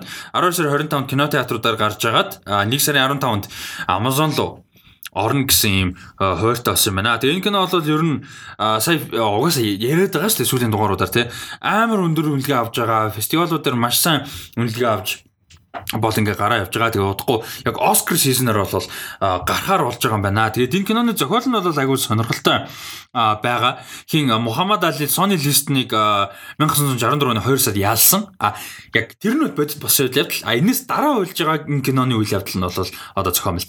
Яг энэ киноны үйл явдлын хувьд бол яг тэр тулааны дараа тэр оройн нь Мухаммад Али, Jim Brown гээд одоо Америк Америк хөлбөмбөгчин бас активист хүн байдаг. Тэр хүн за Sam Cooke гээд бас активист legendary дуучин, а дээрэс нь Malcolm X. Энэ дөрвөө уулзаад нэг шүнийг conversation хийж өрнүүлж байгаа тухай. Ийм маш сонирхолтой концепттэй ийм кино бол байгаа. Тэгээ энэ кино бол маш өндөр үнэлгээ авч байгаа. Тэгэд жүжигчт нь бол маш сайн байгаа. Тэгээд Оскард бол энэ кино full Amazon-ы supporttайгаар өрсөлдөнө тий. Одоо Virginia King-ийн найруулагчаар за тэгээд одоо дөрвөн жүжигчнийг нь яаж хуваарлах вэ тий supporting болон гол дүрт хуваарлах вэ? А хуваарлах юм бол тэгээд явна. За дээрээс нь production а юу зохиол дээрээс нь дуу байгаа юм байна. А энэ Sam Cooke-ийн дүр тоглосон жүжигч оригинал дуу бол зохиож дуулсан юм байна. А тэр тэр дуу бас Оскар нэр дэвшиж магадгүй гэсэн юм бол яригдчих юм байна. Тэгэхээр ийм кино ийм одоо өндөр хэмжээнд яригдж байгаа кино бол а 1 сарын 15-нд Amazon дээр 12 сарын 25 Америкт театруудаар нээлттэй ихээр nice байна. Тэгээ энэ киноны талаар бол угаасаа яриа маш их өрнөд байгаа. Энэтэй төстэй project Монгол хэвлэл юу байж болох вэ? Хин хин хоорондоо ярилцаж сууж байгаа юу байж болох вэ? Чой болсон одоо хийм байдаг чинь. Тэгэхээр тэр үед нь яг байсан үед яг нэг үед байсан юм хүмүүстэй хүм юу хийм байж юу байж болох Би сүүл нөгөө уул балбар зөрг нэг бол тийм Бат Эрдэнэ авраг тэгээд одоо хэн байдгийг юу л тэр чи юм бэлээ баабар үл. Айгүй нэг юм спортын юм байна. Одоо жишээ тэгж бодъё л доо. Тийм байвал те нэг яруу найрагч. Ойдв гэд нөгөө бас амар нөгөө олимпиа байна. Тийм. Аврагч өмнө заавс дэсэн гэж ярьдэн шүү дээ. Тэгээд тэгээ ойдуу ч юм уу эсвэл яг Батэрны гэдэг нь актив яг байсан гэдэг утгаар 90-ад оныг бодоод тахгүй. Нэг бол нөгөө висүүл нөгөө яаж ярьжсэн шүү дээ. Аа яага баян нэрийн мартд юм бол харангийн лав сүр. Залуухан 20-д. Тэг харангийн лав сүрэн Бат Эрдэнэ авраг хин эс зөриг санжаа зөрөнгө зөриг тэгээд таш балбар яг ингээ юм дөрв зүгээр нэг ингээд нэг ганц шилэм хувааж угаад яаж тухай байл. Тийм бол аим тийм. Бас аим тийм. Гэтэ Батэрны урч яг хамгийн эхлээ хэдний он төрүүлсэн юм бэ? Яг 90-ад оны дунд арай эртдэг юм бол. Мэдгүй. Зөв ID нүхт гарч байна. Яг жоохон насанд явцсан. Аха. Тэ. Тэгвэл бас бас сонин тэ. Гэтэ fictional. Гэтэ монголчууд ингэж айтайхан хүлээж авч чадах бол тэ. Бөө юм болно л та тийм тийм. Чай басан биш үү? Йоо. Алтан бошгот. Сүхбаатар уу? Хин юу хэнийг ярих гэдэг ямар хүн ярих гэдэг. Очирбатын өмнө байсан намын дарга хүн. Яг очирбатын өмнөх бол биш гэхдээ зүгээр социализмын үеийн маш зэдэн балыг яриад нөө. Цэдэн бол ёо тийм цэдэн би яагаад Юмжаагийн зэдэн бал. Тий, тий, цэдэн бол гэд нэрийн байга марттай. Цэдэн бол бимбэрийн чингаа Аа. Тэгэл яг тухайн үед байсан дуучдын нэг нь. Тэгээд юм бол бас а нэг бол хин байдаг ч юм уу. Оо Уртын дуучин юун дээр дуулж исэн амар мундаг хүн байд штэ. Хин чимэцээ юу? Чимцээ биш ээ. Бахагат. Awkward silence. A moment of silence for all us. Аа За Dadgog awkward silence-ыг а, юу яаж хоорондоор initiate хийж хоорондоор хийдэг. нор банз. Норо банзада. Тийм. За. Тэгээд гэтээ одоо бодвол нор нор банцдгаа тэгээд жоох адин тухайн үед юу л залуухан л тал орох байсан байх тийм. Гэхдээ гэхдээ яг тийм байвал бас сонирхолтой. Яг чиний хэлдэг гэхдээ амар илүү бид нартай илүү relative баг. Relative арай өндөртэй баг. Яг хэлэхээр хүмүүс үзэхэд илүү сайн мэднэ. Тэгээ судлахад бас арай. Судлахад арай гай. Гэтэ дааж манай кино урлаг юм liberated биш л дээ. Тийм гэхдээ яг хамгийн гол нь хийлээ гэхэд гэхдээ зүгээр яг тэр хүмүүсийн перспектив гарна гэдэг хэцүү болчихж байгаа. Гэхдээ хүмүүс хүлээж авч чадахгүй хамгийн гол нь. Гараж болон зэрэг perspective. Болохгүй юм байхгүй. Хүмүүс хүлээж авч чадахгүй. Тэгээ нөгөө хэдэн ч тэрэн дээр айтайхан оролцож чадахгүй зав. Нөгөө дээ. наавар мааварг нь сонин сонин юм яриад. Энд чинь ингээд юм creative freedomтэй тэ fictional юм аа гэдэг idea нь явах. Тэгээд наад киног ч үгүй юм байхгүй болно гэдэг л яваа. Тэгээ наа чи юм болоогүй малаагүй. Тэр жүжигч энэ жүжигч ингээд. Тэгээ бол. Гэтэ зүгээр idea нь явуулсан. Хүч яа новел өчөж болохгүй гэж. Нэг бол тэгэж болж шүү. Кино хийгээд хүмүүс нь оролцохгүй бол нэг хүн сайхан судлаад новел хийл л дээ. Яг дампуурч болох л та. За за. Нэрэг юм байна. За Night in Miami би бол амар хайптай. Би бас амар байна. Nice. Угаасаа тэгээд бодоод үзэхлээр тэгээ ID нь амар одоо байхгүй? Амар зөв idea тий. тий. Тэгээ яаж Regina King нэг гоо одоо ингээд нэг юм залгуун жүжигч шүү дээ. Ийм дуртай залуу жүжигчд нэг юм гоё сайн найруулагч олоод явах бүр амар ийм proud Тэг санагч юм. Olivia Wilde байна те, Jonah Hill те. Ингээд нэг юм юм залуу жүжигчд ингээд нэг юм юу бол яг насны зүр энэ жоох хөрлөг гэхдээ ерөнхийдөө жүжигчний хувьд бол залуу. Тэгвэл нэг юм амар proud өмнөөс нь бүр ингээд аа те. Good luck. Өнөөдөр мэдээнээс бол яалчгүй Минари тэгээд энэ юу аа One night One in Night Miami. in Miami хоёр бол яалчгүй. Хамгийн дээвэр байна. За. Тэгээд дараагийнх нь болохоор Том Холланд гол дүрдэн тогсон Russo Brothers найруулагчаар ажиллаж байгаа. Одоо MCU-гээс хойш анхны найруулагчаар ажиллаж байгаа найруулагчдаар ажиллаж байгаа project байгаа Cherry гэдэг нэртэй crime thriller drama кино. Тэгээд энэ болохоор Иракийн дайнаас маш хүнд сэтгэл зүйн үнэтэй юм одоо PTSD гэж ярьдаг те. Ийм шоктой ирсэн одоо цэрэг залуугийн тухай ийм кино байгаа нэлээд хүнд сэдв хүндж байгаа.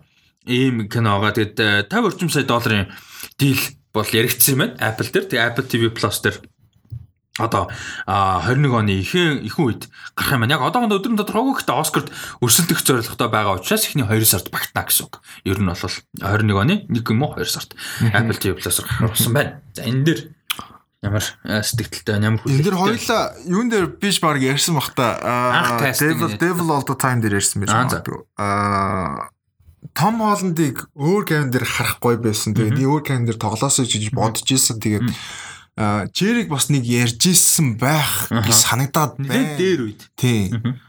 Би нэг бол яриаггүй зүгээр нэг бол юу мэдээлэл нь харж исэн байж магадгүй. Тэгээд тэгээд Russo Bro- Brothers-ыг юу хийхийг бас амар хармаар кинон дээр. Тэг өөр кинон дээр найруулж ажиллахыг амар харах амар гоё байна. Гоё ба харах гоё юм чи хармаар байна. Ого тэгээ юун дээр болохоор Тэр Netflix-ийн нөгөө кино чи юу лээ нөгөө хин Hemsworth-тэй Extraction уу? Extraction дээр чи нөгөө producer Producer гэхдээ нэг Russo-н л ажилласан тий. Үгүй нэг нь зохиолч. Нэг нь зохиолч ажилласан. Хоёулаа producer ажилласан тий. Тэгээ тэр бас амар гоё байсан. Тэгээ тэрнээс бас дараа яг тэр илүү action л энэ болохоор илүү тийм драма баг. Тийм тэгээд Том Холландыг өөр төрлийн кино дээр өөр өөрийгөө эвдэлж ингээд өөр кино дээр тоглож байгаа нь маш гоё юм. Тэгээд Russo Brothers-ыг юу н харах бас амар гоё юм. Тэгээд юу хийх бол гэдэг бол гоё. Яг л бас энэ эдгээр чинь бүгдээр амар мундаг нөгөө найруулагч тэгээд акшн сайн хийдэг болохоор бас нэг юм акшн триллер ч юм уу нэг бол ийм драма триллер бүгдээр бол гоё л байна. Тэгээ гоё юм энэ хин одоо хойлоо ярьжсэн шүү дээ нэг нөгөө жүжигчд ингээд нөгөө нэг илүү залуу харагддаг залуу имижтэй залуу гэдэг бүр хүүхдэх суутгаар тэр имижээ нэг clean team нэг имижийг adult юу хөрвүүлэх амаргүй байдаг. Тэгээ зөндөө бол амар амжилттай тэгж хөрвүүлж байгаа. Ани Тейлор жуул анханаас угаасаа гангстер гараад ирсэн. А тэгээд хэн бас айгу зөв чиглэж байгаа юм шиг надад санагдаад байгаа. Манай манай биш манай жоохон манай нөгөө Good Boys Boys манай Руми. Аа. Оо. Хин. Оо би толгоос тийм ээ царайд байна багар хөөргөө манай. Манай жамир хөөргөө. Бисээ Яаж ч нөгөө Daphne King гэж долоон гинт орж ирээд тэгээд артталтнаас нэр нь ингээд алга болчлаа бодсон орж ирсэн. Аа чи хөөрхөн тийм манай. Тийм манай. Тийм. Манай хүмүүс чинь одоо нөгөө good boy. Ямар ч юм лээ? Jacob. Jacob. Nice. Jacob Tremblay энэ ч амар clean юм ингээд нэг transition нэг жоохон байгаа мөртлөө ингээд тэр хүн тэнд R rated meted дээ ингээд нэг тэгэнгүүт а хин Том Холланд бас тэгж байгаа санагдаад байна. Devil all the time are а тэгээ одоо энэ Cherry-гэр ялангуяа илүү Cherry-гэр энэ ч бүр ингээд Иракийн дайнд явчаад ирсэн цэрэгтэй full on adult руу л байгаа байхгүй. Тэм драматай сэтгэл зүйрлэмэнд Аа тэгэхээр бол надад. Тийм. Тэгэхээр яг хуу энэ дэр зүгээр ганц асуудал байгаа нөгөө Том Холланд зүгээр яг Иракийн дайнд явчаад ирсэн гэхэлэр нэг 20-ийн сүүлээр ч юм уу нэг тийм 30 40 байгаа ч юм уу те тиймэрхүү байхлаар бас яг тэгж харагдаж чадахгүй болов уу 30 биш чинь бүр явчаад эртэлсэн байж болж байгаа байхгүй дөнгөж 22 та зэрэг байж. За яг бас нэг тийм. За яг тэгэл мэдгүй надад яг тэр тал дээр. Юу н 18 хүрээл зэрэгт явчихж байгаа дээ гарууд. Тэгэхээр чин залуу зэрэг байж болохгүй юм бол байхгүй байхгүй. Заавал цол мундаг байж байгаа мундаг явж байгаа ирсэн байх шаардлагагүй шүү дээ. Ер нь залуу зэргийн перспектив ч гэсэн шүү. Тэгээ банк дээр юм мэрвт юм шүү аа тий. Тий солиороод сүлдээ бүр таалж юм шүү. Тэгтээ энэ тийм амар relentless нөгөө нэг тийм зогсоо зайгүй нэг юм кинонд үүдэн шүү дээ. Одоо жишээ нь юу гэдэг Uncut юм байд юм уу? Нөгөө Uncut Gem өмнө нөгөө James Good Time уу? Good Good Times-ийг үзег болохоорсон. Тэгтээ бас яг адилхан юм шиг байлаа шүү дээ. Time шүү. Good Time Times гэхээр шал өөр утга болчихгоо чи. Good Time гэхэлэр бас юу гэхэлэр гин. Good Time бас яг тийм шүү. Тэ амар relentless ингэ бүр ингэ нэг тийм бас тийм байвал гоё биш магадгүй. Харин тийм Russo Brothers өөрсдөө яаж тэгэх юм бол нөгөө нэг илүү Winter Soldier темп орж ирж болох юм те. Тэ. А тэгэд мань хоёрын дараагийн project юу юм бэ? Exit West гэдэг нэртэй кинон дээр ажиллаж байгаа маань. Өөрөөсөө бас найруулагчаар ажиллаж байгаа. А тэр нь болохоор нэлээд драма кино болох шинжтэй. Тэгээд Моксин Хамид гэж Пакистан зохиолчийн одоо зохиол юм байна. 17 төвлөгцөөр роман юм байна. Тэгээ энэ кино энэ зохиолоор бол сэтүүлж кино хийхээр болж ажиллаж байгаа юм байна. Хоёулаа найруулагч ажиллана. Тэгээд гол дүрд нь Риз Ахмед тоглохоор ярьж байгаа юм байна. Тэгээ би бүр Риз Ахмед энэ тэнд дурдагтахаар бүр ингээ амар happy бүр. Йоо тэр тэгтээ нэг Sound of Metal гэдэг тэр бүр амар гоё амар гоё. А тэгээд энэ Exit West Netflix дээр хийгдэх юм байна. Тэгэхээр бүр айгу бас гоё юм ба шүү. Риз Ахмедтай. Аа за. За тэгээд дараагийн project мэдээлэл рүү оръё. Энэ ч та weird өнгөрсөн. За энэ ч чиг what the fuck. Өнгөрсөн 7 хоногт яг ярьсан л да 100 дээр ярьсан. Гэтэ энэ дөр яг нэмээд нэг ганц хоёр сэтгэл байл. А Barry Jenkins Lion King 2-ыг найруулахаар болсон. Харин тийм энэ бол what the fuck үс надад бол. Like what? How why where and what? Гүй за яг гоо Barry Jenkins гэдэг нь өөрөө сонин Lion King 2-ыг хийх ямар шаардлага байгаа юм бэ гэдэг бас амар тийм байна. Гэхдээ тэгтэл амар тийм the fuck. Godfather 2 шиг хийнэ гэдэг лээ. Чанар биш шүү. Агуулгад. Одоо Симба хаан байгаа штэ. Тийм тэгээ Mufasa хамт ингээд юу. Тийм одоо нөгөө нэг Godfather 1 дуусаа 2 дээр чи Michael яг нөгөө нэг яг тэ дом болцоод манай хүн яаж байгааг харуулгаа. Vito-гийн Rise-ыг харуулсан штэ. Тэгвэл энэ яаж юм гэхээр Симба хаан болцсон. Тэгээ юу болж тэ ямар хаан байгааг нь харуулад а давхар Хиний Rise, Rise of Mufasa. Аха. гэж бол яриад байлаа. See. Гэхдээ яг хөө тэгээд чиггүй тийм мэдхгүй би бүр Lion King үзэх CGI-гаар харин тий. Тэгэхээр үгүй найруулагч нь гэхдээ амар гоё байгаа байхгүй амар exciting найруулагч байгаа даа байхгүй юу? Миний харж байгаагаар миний харж байгаа энэ зүгээр яг одоо ингээ харахад мэдэн what the fuck гэдэг яг тэр үедээ яагаад өнгөрөх гэхээр миний бодож байгаа зүгээр Tim Burton-ы Dumbo Guy Ritchie-гийн айлаад энэ шиг зүгээр ингээл гэж өнгөрч байгаа. Харин Нэг тийм зүгээр Disney remake тэгэд найруулагч нь зүгээр орж ирээ сайхан мөнгө авчаал явцсан. үгүй Disney юу н яагаад хүүхэлдэйн киногоо хийж болохгүй юм бол? Үгүй амар гоё штэ. Disney хүүхэлдэйн кино гоё штэ. Үгүй хамгийн гол дэрийгээ гоё хийхдээ. байгаа болж ер нь жоох урж дээ. Тэгсэн гэхдээ одоо Frozen Wreck-It Ralph-оос өөр юу байсан? live action болоосоо яа. Анимашн өөр юу харин. Гэтэ надад бол би заавалчгүй анимашн анимашн хийлээ гэхэд заавалчгүй 3D байгаад байх CGI шаардлага. CGI ч юм уу. Хоёрдын анимашн тэгээд харин хийхгүй production тэгж хөдөлмөрлөхгүй шүү дээ. Одоо тэр чинь амар хөдөлмөр шүү дээ. Гэхдээ яг одоо ч тэгээ хөгжөөд өөр л болсон л байлгүй дээ. Гэтэл үгүй зүгээр тийм их юмдаа хийчих бол анимчсан сайн явж л байгаа үстэй аним гоё хийлээ гоё болж байгаа үстэй. Ороод байгаа шүү дээ. Одоо нэг тийм нэг юм халт CG юм шиг юу ч юм. Тийм тэрэнд нь би аим дургуй. Харин тийгөө дургуул тэгэхдээ зүгээр би өмөрж байгаа биш аахгүй да зүгээр би ингээд нэг production те юмнууд industry яаж ийна л гэж яриад байгаа. Харин тийм хүмүүс тэгээ нөгөө сонирхож үзэхгүй мөнгө оёж олохгүй бол амар асуудал Тийм болж олохгүй байгаад байгаа байхгүй дээрээс нь. Гэтэ уул нь хийвэл гоё юм уу? Хамгийн сүүлд гарсан жишээ нь сайн 2D animation юу байна? Яг том том шүү. Юу Клаус байсан шүү дээ. Клаус ч н Том. шүү дээ. Тийм Клаус тэгээд нэг. Netflix ээ гэж өнгөрсөн шүү дээ.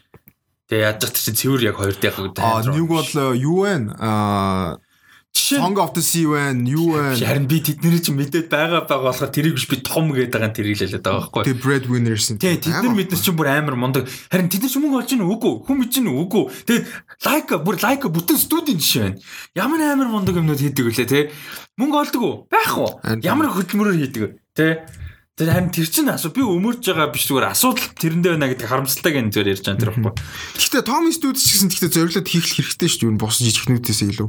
Яа мэдгүй би тэгээ Disney уул нь гоё тэгж хөглөн кино хийвэл гоё л бах. Тэгээ хамгийн сүүл гарсан гэх юм бол Toy Story дөрвөл юм байна л да Disney-гээс. Аа үгүй тэр чинь Pixar андуурч Тэр чинь тэгсэн чи CGI тийм. Pixar-ыг угаасаа тооцохгүй шүү дээ. Pixar тооцохгүй тооцохгүй. За за. Аа ийм байна. Тэгээд одоо энэ мэдээний талаар ямар сэтгэлтэй байгаа та сэтгэлдээ оолцаарай. Магадгүй амар нийгмийн commentary racism хүндсэн юу байж болох юм. Lion King байж. Магадгүй Lion King нэг дээр зүгээр animation CGI ч гэлтгүү animation дээр байдаг амар racist stereotype байдаг шүү дээ. Одоо хаяна маяна тий. Тэр мэрийг а, бас болох guess I guess тийм. Одоо тоглоомжгүй би тэгтээ тоглоомжгүй хэлж байгаа шүү. Scar гэсэн гэхдээ нэг тийм өөр төрлийн нэг Stereotype. нэг тийм өнгөн ч өөр те нэг тийм байдаг шүү дээ. Тэгээ гэр бүл дараагийн хоёр дахь анги гэр бүл бүл нь хүртэл нэг тийм өөр өнгөтэй те өөр төрлийн лайнууд. А тэгээ дээрээс нь хаяна чинь амар ядуу. Тэгээд ugly quote unquote тэгээд тэрнээс нь болоо ялгаад байдаг тийм Remember? Тэгээ зүгээр л ugly болохоор нь ядуу болохоор нь те ядуу гэдэг нь нөгөө нэг галзуу юм донд амьдэрдэг баахан нөгөө трашнууд донд. Тэр чинь бас буруу сэт- сэтэл явж лээсэн юм байна. За дараагийнх нь болохоор Outsider гэдэг HBO-гийн mini series гарсан. Ben Mendelsohn тоглосон. Нэлээд өндөр үнэлгээ авсан. Тэгэд тэр цувралын гол дүр биш ээ, sorry. Тэр цувралын туслах дүр тоглодог аа жүжигчин а за за Пади уншдаггүй. Э нэр нь гарч ирсэн үү? Пади Consi something. А за. А Пади Considine гэж жүжигчин а HBO-гийн House of the Dragon Game of Thrones-ийн prequel House of the Dragon цувралын гол дүр тоглохоор болж байгаа юм байна. Interesting. А тэгээ энэ цувралын үед бол Shredder series буюу одоо бүтэн series-ээр нь захиалга нь болцсон байгаа гэсэн. Одоо pilot хийгээд те cancel маслна гэсэн зүйл. Йоо, гэхдээ тэр нөгөө юу Longest Night лөө. Long night. Long Night лөө. Гарч лөө. Гарч ирсэн Long Night те. За тийм тэр long night тийм. Тэрний уул нь нөгөө юунууд тоодорч модорсон cast mast ял бөө юм болчихсон санаж байна.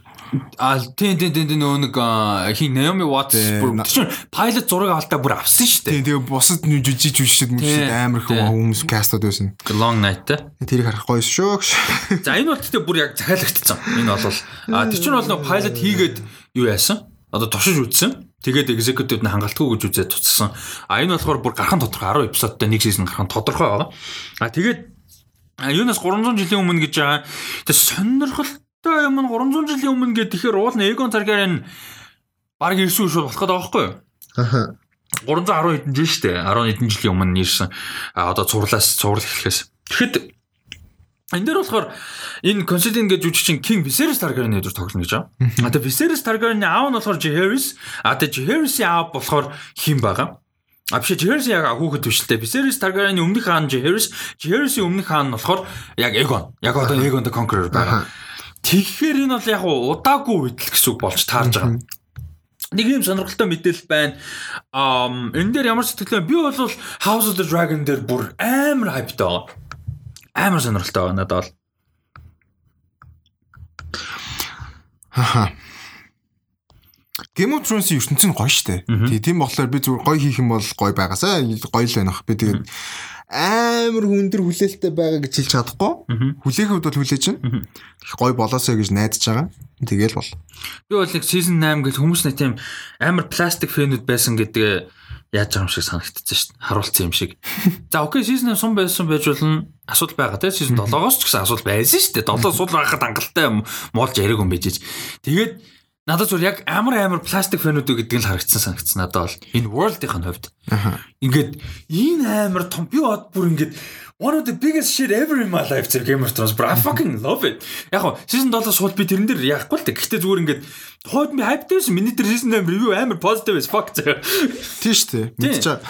Гэхдээ тэр таалагдсан гүү гэсэн биш аахгүй юу? Аха. Тэг зүгээр ингээд энэ world амар гоё би энэ world-д амар хайптай ивэрэ баг энэ насаараа энэ world-аас салахгүй бах. Би одоо л ингээд номнуудын уншаалтай энэ дээргээл ингээд явж байгаа видео медиа үзээл те. Тэг би бол салахгүй бах. Одоо л хайптай байгаа. The House of the Dragon гарах үед сайн байвал агүй л амар юм болно угаасаа. Би бол ямар ч байсан day 1. Day 1-аас нь House of the Dragon зэрэг. Нэгээс бол 6 хүртэл би хайртай. 7 8 а shit гэж боддог. Тэгээд би зүгээр тэрэн дээр яаж би яагаад ингээд итгэлээ байхгүй болгоцсон юм гэхлээр зүгээр продюсер болон хийсэн хүмүүс нь итгэлээ алдсан байхгүй юу. Тэрэн дээр тэгээ фануудынхаа итгэлийг алдсан юм дэр надад бол тэр тэгж л би бол counter argument хийн. Season 5 shit биш үү? За season 5 shit. Hard хүмүүс өөр юм байхгүй шүү. Уурт болоод өтөртэй гэхдээ 5 шидчтэй. Гэхдээ 7 8 бүр шидтэй. Э 5 шидчтэй бас. Гэхдээ нэгээс ургаагүй тэр чинь гэхдээ нэгээс ургаагүй чинь complete story байгаад байгаа болж байгаа байхгүй. Би 7 8-ыг амар appreciate ялангуяа 8-ыг үнэхээр appreciate хийдэг юм production. Би бүр тэгээ жүжиглэлт хөгжим би ер нь яг тэр зохиолоос нь бусад юмыг амар appreciate хийдэг байхгүй. Хамгийн гол нь. Тэгээ би тэр нэг тийм продюсер үгүй ер нь хийсэн хүмүүс нь зүгээр. Үгүй яг сэтгэл байгаа нь ойлгомжтой л би гэхдээ зүгээр яг феминс феминс орсон юм. Надаа англи нэ шүү дээ тийм. Яг яг боддоор бодох юм бол season 6 дуусаад season 7 8 9 гэд 3 бүтний 19 эпизодтой season хийгээ явцсан бол яг ингээ бүр яг. Тий, тий, тий. Болох юм нь болдгороо болоод тэрнээс галзуурн тий Джон Хошо явна Sansa Queen of the North тий тэр хоёр хамт өгөж мөхөөс Cersei хин хоёр тий Jamie хоёр инээтэрэгэд яг тэрүүгээр болж болно.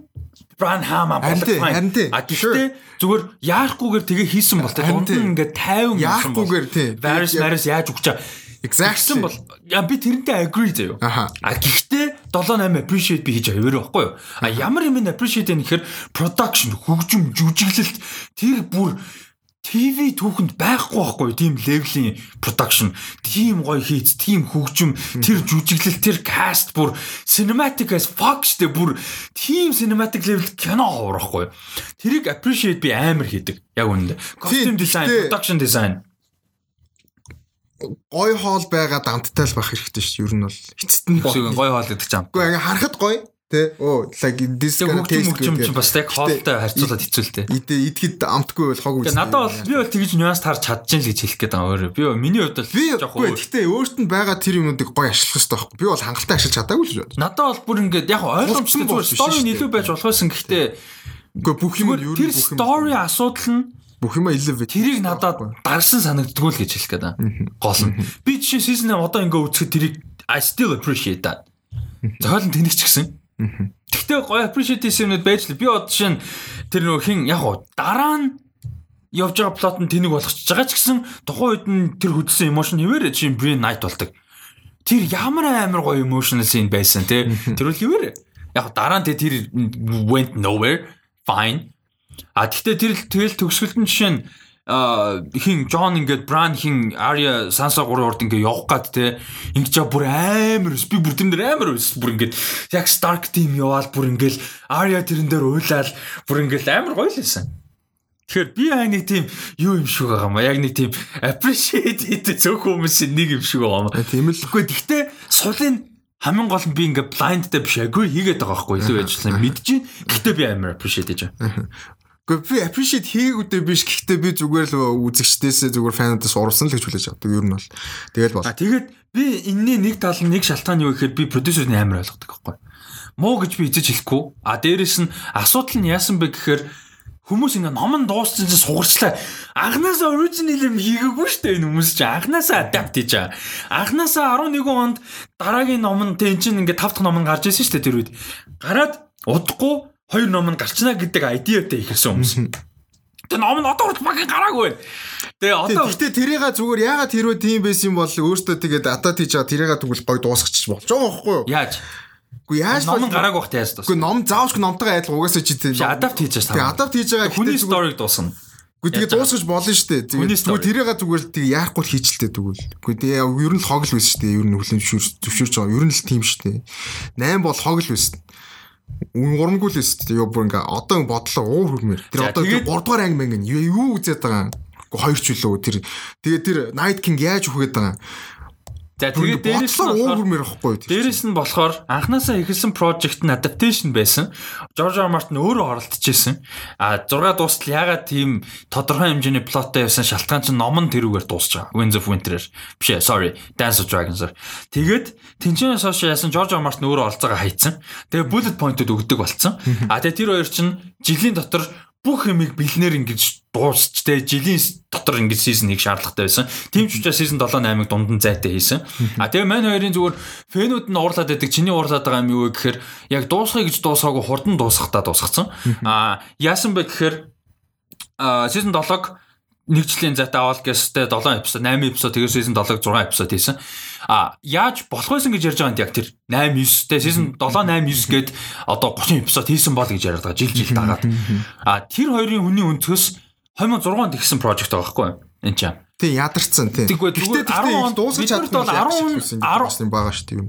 Наа чи амар cheap хэрүүл байхгүй. Үгүй чип биш шүү дээ. Тэгтээ хамгийн гол нь тэгтээ тэр чинь эцэст нь явсаар байгаа бүх юмий төгсгөлийг нь онцгой тавил мөн. Тэр бол болгож ирсэн шүү дээ.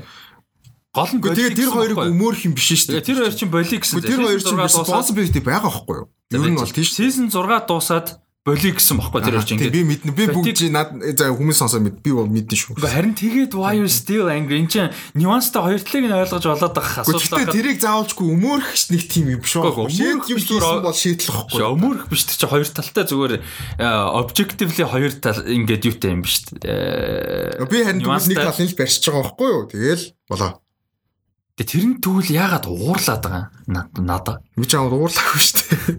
Өө зүгээр л ингээд нэг тийм emotional болчлоо. Харин season 8 таалагдсангүйгээд тэр чигээр emotional бол би ингээд босон факттай ярих гэж.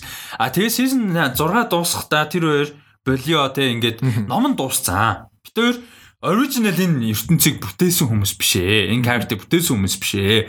Номны guideline-ы дагуу явж байгаа. Ном нь гараагүй байна.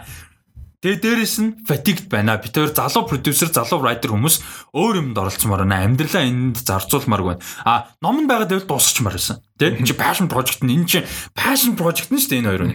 А ийм байсан.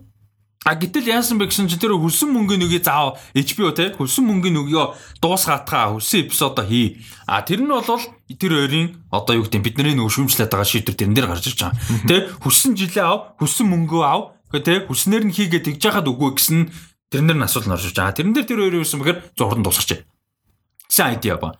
А тий production нэмээд хурдан дуусгачих. А ном нь бол байхгүй. Тэг bullet point-ууд авсан. Гэхдээ bullet point авсан юм нь юу вэ гэсэн чинь Cersei тэр хоёр хамт өхөн Брахам болно энэ ингэн гэсэн. Өөр яаж гэдэг нь тодорхойгүй. А тэгээ тэр хоёр бол тэрийг зүгээр хурдан дуусгах планд руугаа л орцсон.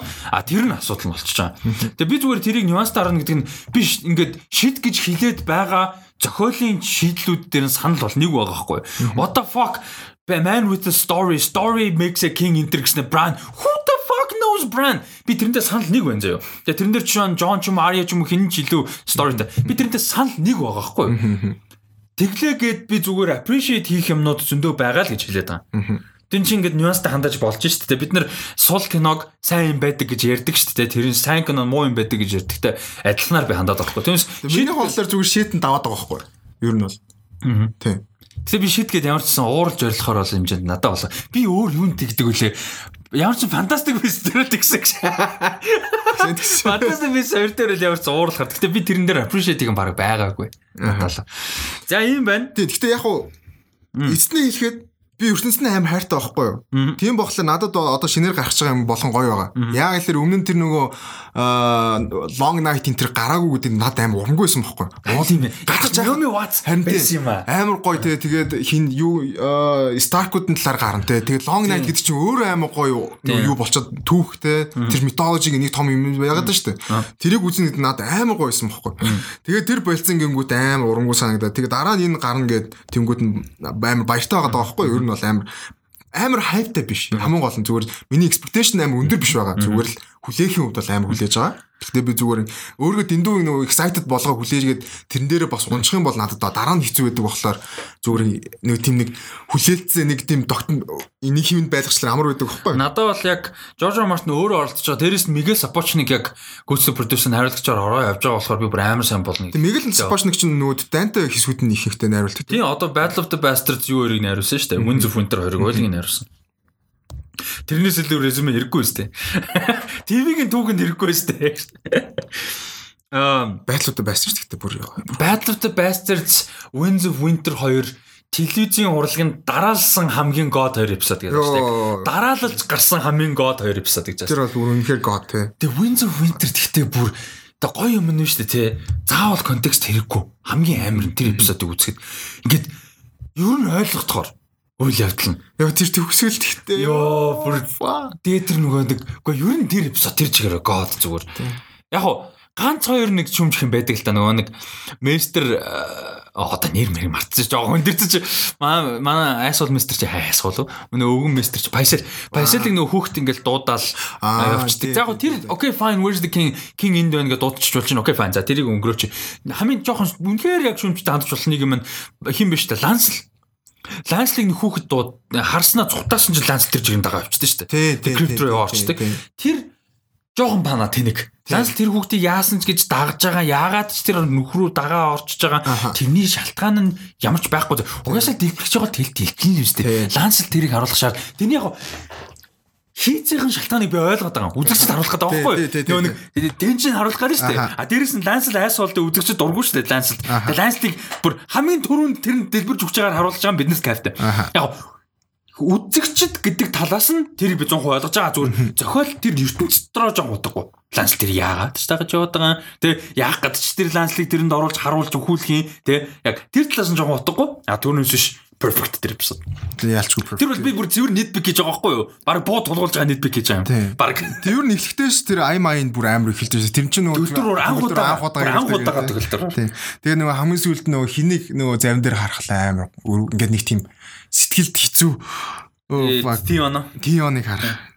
Тэг яаж яхаж үүж гой жүжиглэлтийн тэрэн дээр би бүр тэр хэсэгт амар хайртай. Тэг тэрэн дээр тэр сүлээ шот мат амар. Бүр тэрнээс бүр бүр алгаж исэн тэг бүр яг бүр үнэхээр алах хийсэн. Season 7 ямар амар disappointing хийсэн гэдэг хүмүүс санахгүй байгаа хгүй юу? Тэр амар weird зав. Яг хүмүүс амар hypocrite зав. Яг үнэндээ. Season 8-ын тэр ингээ лоонаад суугаасан, сүүлийн төгсөө суугаасан ингээд боож хөх гээд тэгснэ рейтингүүдийн ч юм уу сэтгэлийг нь харангуй 7 тэр амар дуртай байгаадсан байхгүй. Яг сэмнэр 7 тэр юм чи ихэлсэн байхгүй тэр шит юмнууд чинь. Яг үнэндээ. 7-гийн ер нь эпизодод ер нь жоохон сонирн байсан дөө. Үгүй тэр Тэгэхээр ганц гоё юм нь юу? Бөөндө хамт үзсэн нөгөө кино театр. Тэр бол тэр бол үнэхээр агуу experience байсан удлаа яахгүй. Зүгээр яг тэр opening ингээл яваал 100 хэдэн орилол тэр тэр бол үнэхээр агуу experience. Долоо ялчгүй бас сууг сууг. Сууг штэ сул ер нь нэлээд сул. 7 7 8 бол. Тэр талаасаа сууг байхгүй.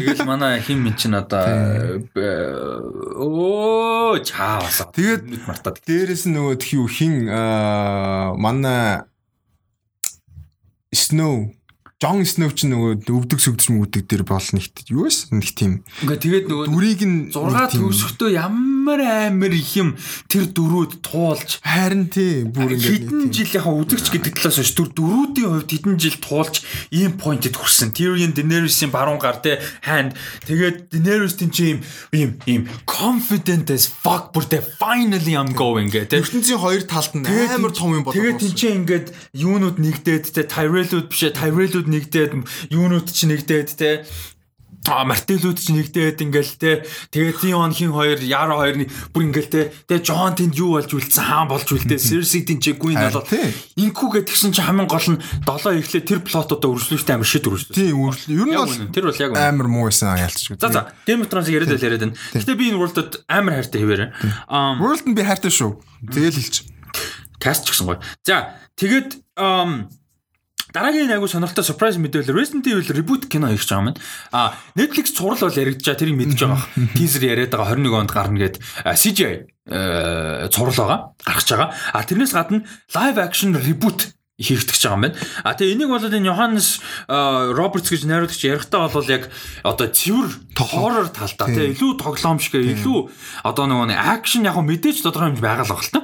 А гэхдээ тэрнээс илүү бүр яг хоррор элементийг нь илүү оруулсан ийм кино бол а хийнэ гэсэн яриа бол өгсөн байна. А тэгээ мань хүн бол яг энэ 47 meters down энэ гэдэг нэг иймэрхүү дундаж баг дундаж бишээ бүр юм баг божиттай дажгүйфтер тий хоррор кинонд хийжсэн юм байна. А тэгээ энэ каст зарлагдсан сая.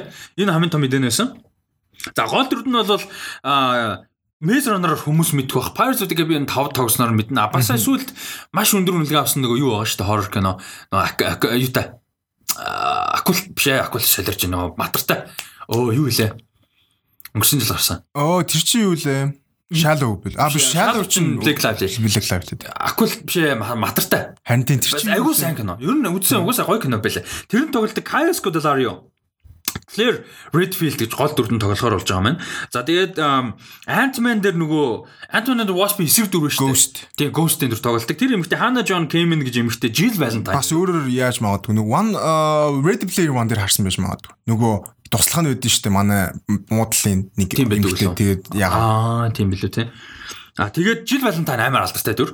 А тэгээд Роби Эмэл байдаг. Хиний манай Arwen дүү, Arwen жүжигчний дүү, Крис Redfield гэж жүжигчнэр дүрээр sorry. А Том Хоппер, Альберт Вескер энэ гол эсрэг дүр. А тэгээд Evan Jogia гэж жүжигчин энэ Zombieland 2 дээр тоглосон юм байна. Leon S Kennedy энэ амар алдартай дүр шүү дээ. А тэгээд Neil McDonough, William Birkin гэж эсрэг дүрт тоглохоор болж байгаа юм байна. Тэгээ ихэнх жүжигчдийн харах юм бол дандаа мэддэг хүмүүс байгаа. Тэр нь бол хараа шууд таних юм бол нөгөө Neil McDonough гэх энэ MCU-д мөд тоглосон шүү дээ. Дом дом дөөг нь тоглолт. Тэгээд энэ ям зүрийн кендер яагаад ер нь явж л. Арав дээр хүртэл эсрэг тоглосон. Хараад мэднэ хүмүүс. А тэгээд энэ хэнийг бас мэднэ. Роби Эмелиг ТV үздэг хүмүүс бол мэднэ. Umbrella Academy-г үздэг бол хүмүүс шууд нөгөө хэнийг нөгөө Вескер тоглох гэж байгаа жүжигчнийг бол шууд мэднэ. Тийм, Том Хоппер. Тийм. Ер нь бас олон юм дээр явж байгаа. Энэ Том Хоппер чинь юу мөмстэй? Дикон тоглодог мөмстэй. Number 1. Юунд тоглодог? Дикон. Дикон Тарли. Тийм үү? Мөн боо өстэй. Энэ энийг яриад байгаа өстэй. Энэ жүжигчний яриад. Дон Дикон мөмстэй. Season 7-гийн Дикон. Дикон Тарли. Муу юм уу? Мөө, мөө, мөө, мөө. Дикон гэсэн чинь нөгөө хин Брон инээгээд байдаг. Яг нь season нөгөө нэг өмнөх Дикон биш л те. Мөө, мөө, мөө. Тийм байж тээ. Оо, фа. Аавга дагаа өгчээш өгчээш. Тийм, нөгөө харуулцдаг тий. Тийм, Дикон мөө, мөө, мөө. Оо, shit, тийм байж. Тийм. Оо, Game of Thrones тоглолдог гэсэн. Game of Thrones тоглож байсныг мэддэг нь бас. Би нөгөө Umbrella Academy бол мэддэг болохоор. Аа, за за за. За окей. А ийм гоё мэдээ байна. Энэ бол надад айгу гоё мэдээ санагдаад байгаа. Тий. Яа илүү horror талтай байна гэхэл нөгөө хүмүүс илүү дуртай байгаа. Тэгээ каст нь надад жижиг байгаа насаа. Тийм жижигвтер мөртлөө хүмүүс мэддэг жүжигчэд тэгэхээр бас айгу гоё байхгүй. Тэгээ би Kaya Scodelario бас ийм карьер нь ингээд нөгөө нэг ийм том прожектууд руу орж байгаад бас айгу баяртай байна. Айгу гоё жүжигчин би анх Messer дээр харчил ямар хөөрхөх мэ гэж бодчихсон. Би хамгийн сүүлд Robbie Amell-ийг юун дээр харлаа. Netflix-ийн нэг аимшиг кино дэр нэг слашер нэг хүүхдэд зориулсан хүүхдэд зориулсан слаш кино юу аах. Гэхдээ зүгээр нэг тийм Campy, campy. Хүүхдэд зориулсан слашер гэж what the fuck? Юу юм бэ наа чи одоо? Юу юу юм хаашаа нөгөө Courage the Cowardly Dog мог юм. Campy нэг тийм слэшер кино байсан юм аа нөгөө хиймэлтэй. Төсөөлтөө хүүхдэд зориулсан. Samara Weaving энтертэй нэг тийм кино байсан. Тэрэн дээр харсан юм. Хүүхдэд биш. Хүүхдэд зориулсан слэшер. Би сүлд ярен ч гацлаа I'm sorry. Тийм кино гэж яахтай гэж. Тэгтээ зүгээр Child хийх гээд үзтээ. Хийх гээд хүүхдэд үгүй хүүхдэд хүүхдэд зориулсан слашер. Like what what is a хүүхдэд зориулсан Billy and Mandy гэдэг нэг хүүхэлтэй нэг нөгөө Grimm's Adventure гэх тэр байж бас болох л. Тэр чинь бас бас creepy шүү дээ. Гэтэ слашер биш. Slasher биш л дээ. Гэтэ my god ёо цэцэрлэгт ингээ явж хахад нэг баг нууц учир бүтээлэх хэрэггүй. Ангийнхан хүүхдүүдийг алгаш. Яа сэтгэхдээ ямар тэнийг юм хэлж баг хийсний хадаар шууд тэнийг бод ярьснаа санагдав. хийснээс ч ойш ярэ гэж барыг сонссонгүй. Йоо тэнийг юм. Ямар тэнийг хэлж. За тэгээд дараагийн мэдээ аа маш харамсалтай мэдээнүүд рүү орох чинь. А тэгтээ маш нь цааш юм дээ зүгээр Ер нь ч тэгээ л да яг ойлгомжтой гэхдээ харамсалтай юу гэхээр кинонуудын релиз дэйт өөрчлөлтүүд за 11 сарын 12 нээлттэй их төлөвлөгөөтэй байсан No Time to Die хойшлоод 21 оны 4 сарын 2 руу болсон. За энэ бол хамгийн чухлуудын нэг. За энэ ач холбогдол юу гэхээр энэ хойшлсноор а 11 сар киног байна гэсэн үг. Лаг өдөө хойш. За 11 сар одоо ингээ мейжер кино байхгүй. За тэр бол түрүүн ярьсан шүү дээ нөгөө Cineworld дэлхийд арих театруудаа хааж байгаа гэдэг. Тий. За энд бол No Time to Die хойшсон нөлөөлж байгаа. Аха. Америкт болон маш олон оронд театр ажиллах нөхцөл байдал маш хэцүү болж байна гэсэн үг одоо. No time to байхгүй болчихсон. Тэгээ 11 сар том кино байхгүй. 12 сард байсан кинонууд бас дахиад өөрчлөгдсөн. Одоо дахиад ярина. Энэ бол амар том асуудал бол болж байгаа. Одоо ерөөсө кино театрын салбар дэлхийд даяараа баг дампур бүр дампур цаашаа энэ бүр ингээ баг театрын салбарыг алчуудаа гэсэн юм харагдав. Тийм тэгээ тэнэт тэр сэргээж чадсангүй бүр нэмээд алаална гэж ярьж байгаа. Яг л Тэнэт бол найдлага байсан шүү дээ. Тэгсэн чинь эсэргээрээ бүр бүр файналтай файнал нээлэндэ кофен харин болцоо да. болчуудаа гэж яриад байгаа. Яг тэр угаасаа ашиг Явахгүй байгаа. Тэгээ бусад кинон тэрнээс хаагаад хойшлоод байгаа. Тийм тэгээд Америкт юу байхгүй байгаа юм бэлээ шүү дээ. Бүр орлогч байхгүй байгаа юм шиг үлээ шүү дээ. Яг байгаа хальт байгаа. 2 сая маяг болсон сая өнгөрсөн 7 хоногт. Тэгээд асуудал нь амар сонирхолтой асуудал юу гэхээр театрууд хойшлуулад байдаг. Тэгээ нөгөө нэг биш ээ, кино студиуд а одоо театр хангалттай ажиллахгүй байгаа эсвэл мөнгө олохгүй хойшлуулад байдаг. Тэрнээс нь болоод театруу дампуурах гээд байдаг. Тэгээ дампуурчвал студиуд те- киногоо нэг театрахгүй болох гээд байдаг. Тэгээ нэг юм хэцүү асуудалтай болчиход байна л та. А тэгээ дараагийн кино бол а, 21 оны 6 сарын 11-нд байсан Jurassic World Dominion кинонд 22 оны 6 сарын 10 хүртэл яг нэг жилээр хойшилж байгаа. Өөрөөр хэлбэл production амжихгүй болсон гэсэн үг. А тэгээд Warner Bros-ийн нэлээд хэдэн кино өөрчлөлтүүд орсон энийг ярилцъя. Яа, энэ би бүр амар харамсалтай байна. А Dune кино 12 сарын 27-нд 17-нд нээлттэй байсан Dune 2021 оны 10 сарын 1-нд тийм бүр жил хойшлчлаа тийм харин жил. Харин тэгэхээр жоохон амар хэцүү байгаа даа. Амар харамсалтай. Үнэхээр харамсалтай. Жоохон хугацааны үед арай гайгүй шүү. Бодвол нөө релиз юугаал бодчихлаа яаж байна. Тэгэл бодож байгаа. Тийм. Тэгт амар хам би бүр яа. Миний энэ оны бүр хамгийн том хайп үү. Харин тий би бүр харин тий ёо fuck. За тэгээд Wonder Woman 1984 одоогийн байдлаар хിവэр байна. Аа. Tank Tank Zeus яг одоогийн байдлаар 12 сарын 20-нд онд хിവэрэ байна. А тэгээд Batman кино 10 сарын 21-нд байсан. 21 оны. Бүр хойшлоод 22 оны 3 сарын 4-нд хойшсон. The Batman. За 5 сар л юм байна л тэгтэл. Жил бол биш л юм байна. Гэтэл жил гэж харагдаж байгаа байхгүй гол. Харин тийм ээ. За тэгээ Black Adam кино 21 оны 12 сарын 22-нд байсан бол релиз дэйтгүй болсон. Minecraft-ийн кино байсан юм билээ. Like what the fuck. 22 оны 3 сарын 3-нд байсан одоогоор релиз дэйтгүй болсон. Matrix 4 кино наашилсан. Харин энэ бүр Matrix алдаа гарцсан глиш гарцсан тий. Тийм энэ Glitch in the Matrix болсон. Тэр нь 22 оны 4 сарын 1-нд байсан кино 21 оны 12 сарын 12-нд л байгаа. Эм бүр саксофон. А тэгээд The Flash кино энэ надаа бүр хөөрхөн хөөрхөн энэ бүр бүр fucking хэдэн жил ярьж байна. 2022 оны 6 сарын 11-нд биш 6 сарын 3-нд байсан да Flash хойшлоод 22 оны 1 сарын 4-нд энэ баг 30 30 онд гарах уу. Тэгээд Shazam 2 22 оны 11 сарын 4-нд байсан л 23 оны 6 сарын 1-нд л байшсан. 6 сарын 2-нд. Shazam цаа Shazam ч хүлээлт байхгүй одоо. Энэ айгу харамсалтай байна. Тэгээд одоо 20 онд 20 оны Оскар одоо юу юм бэ? Emma Best Picture байгаа юм.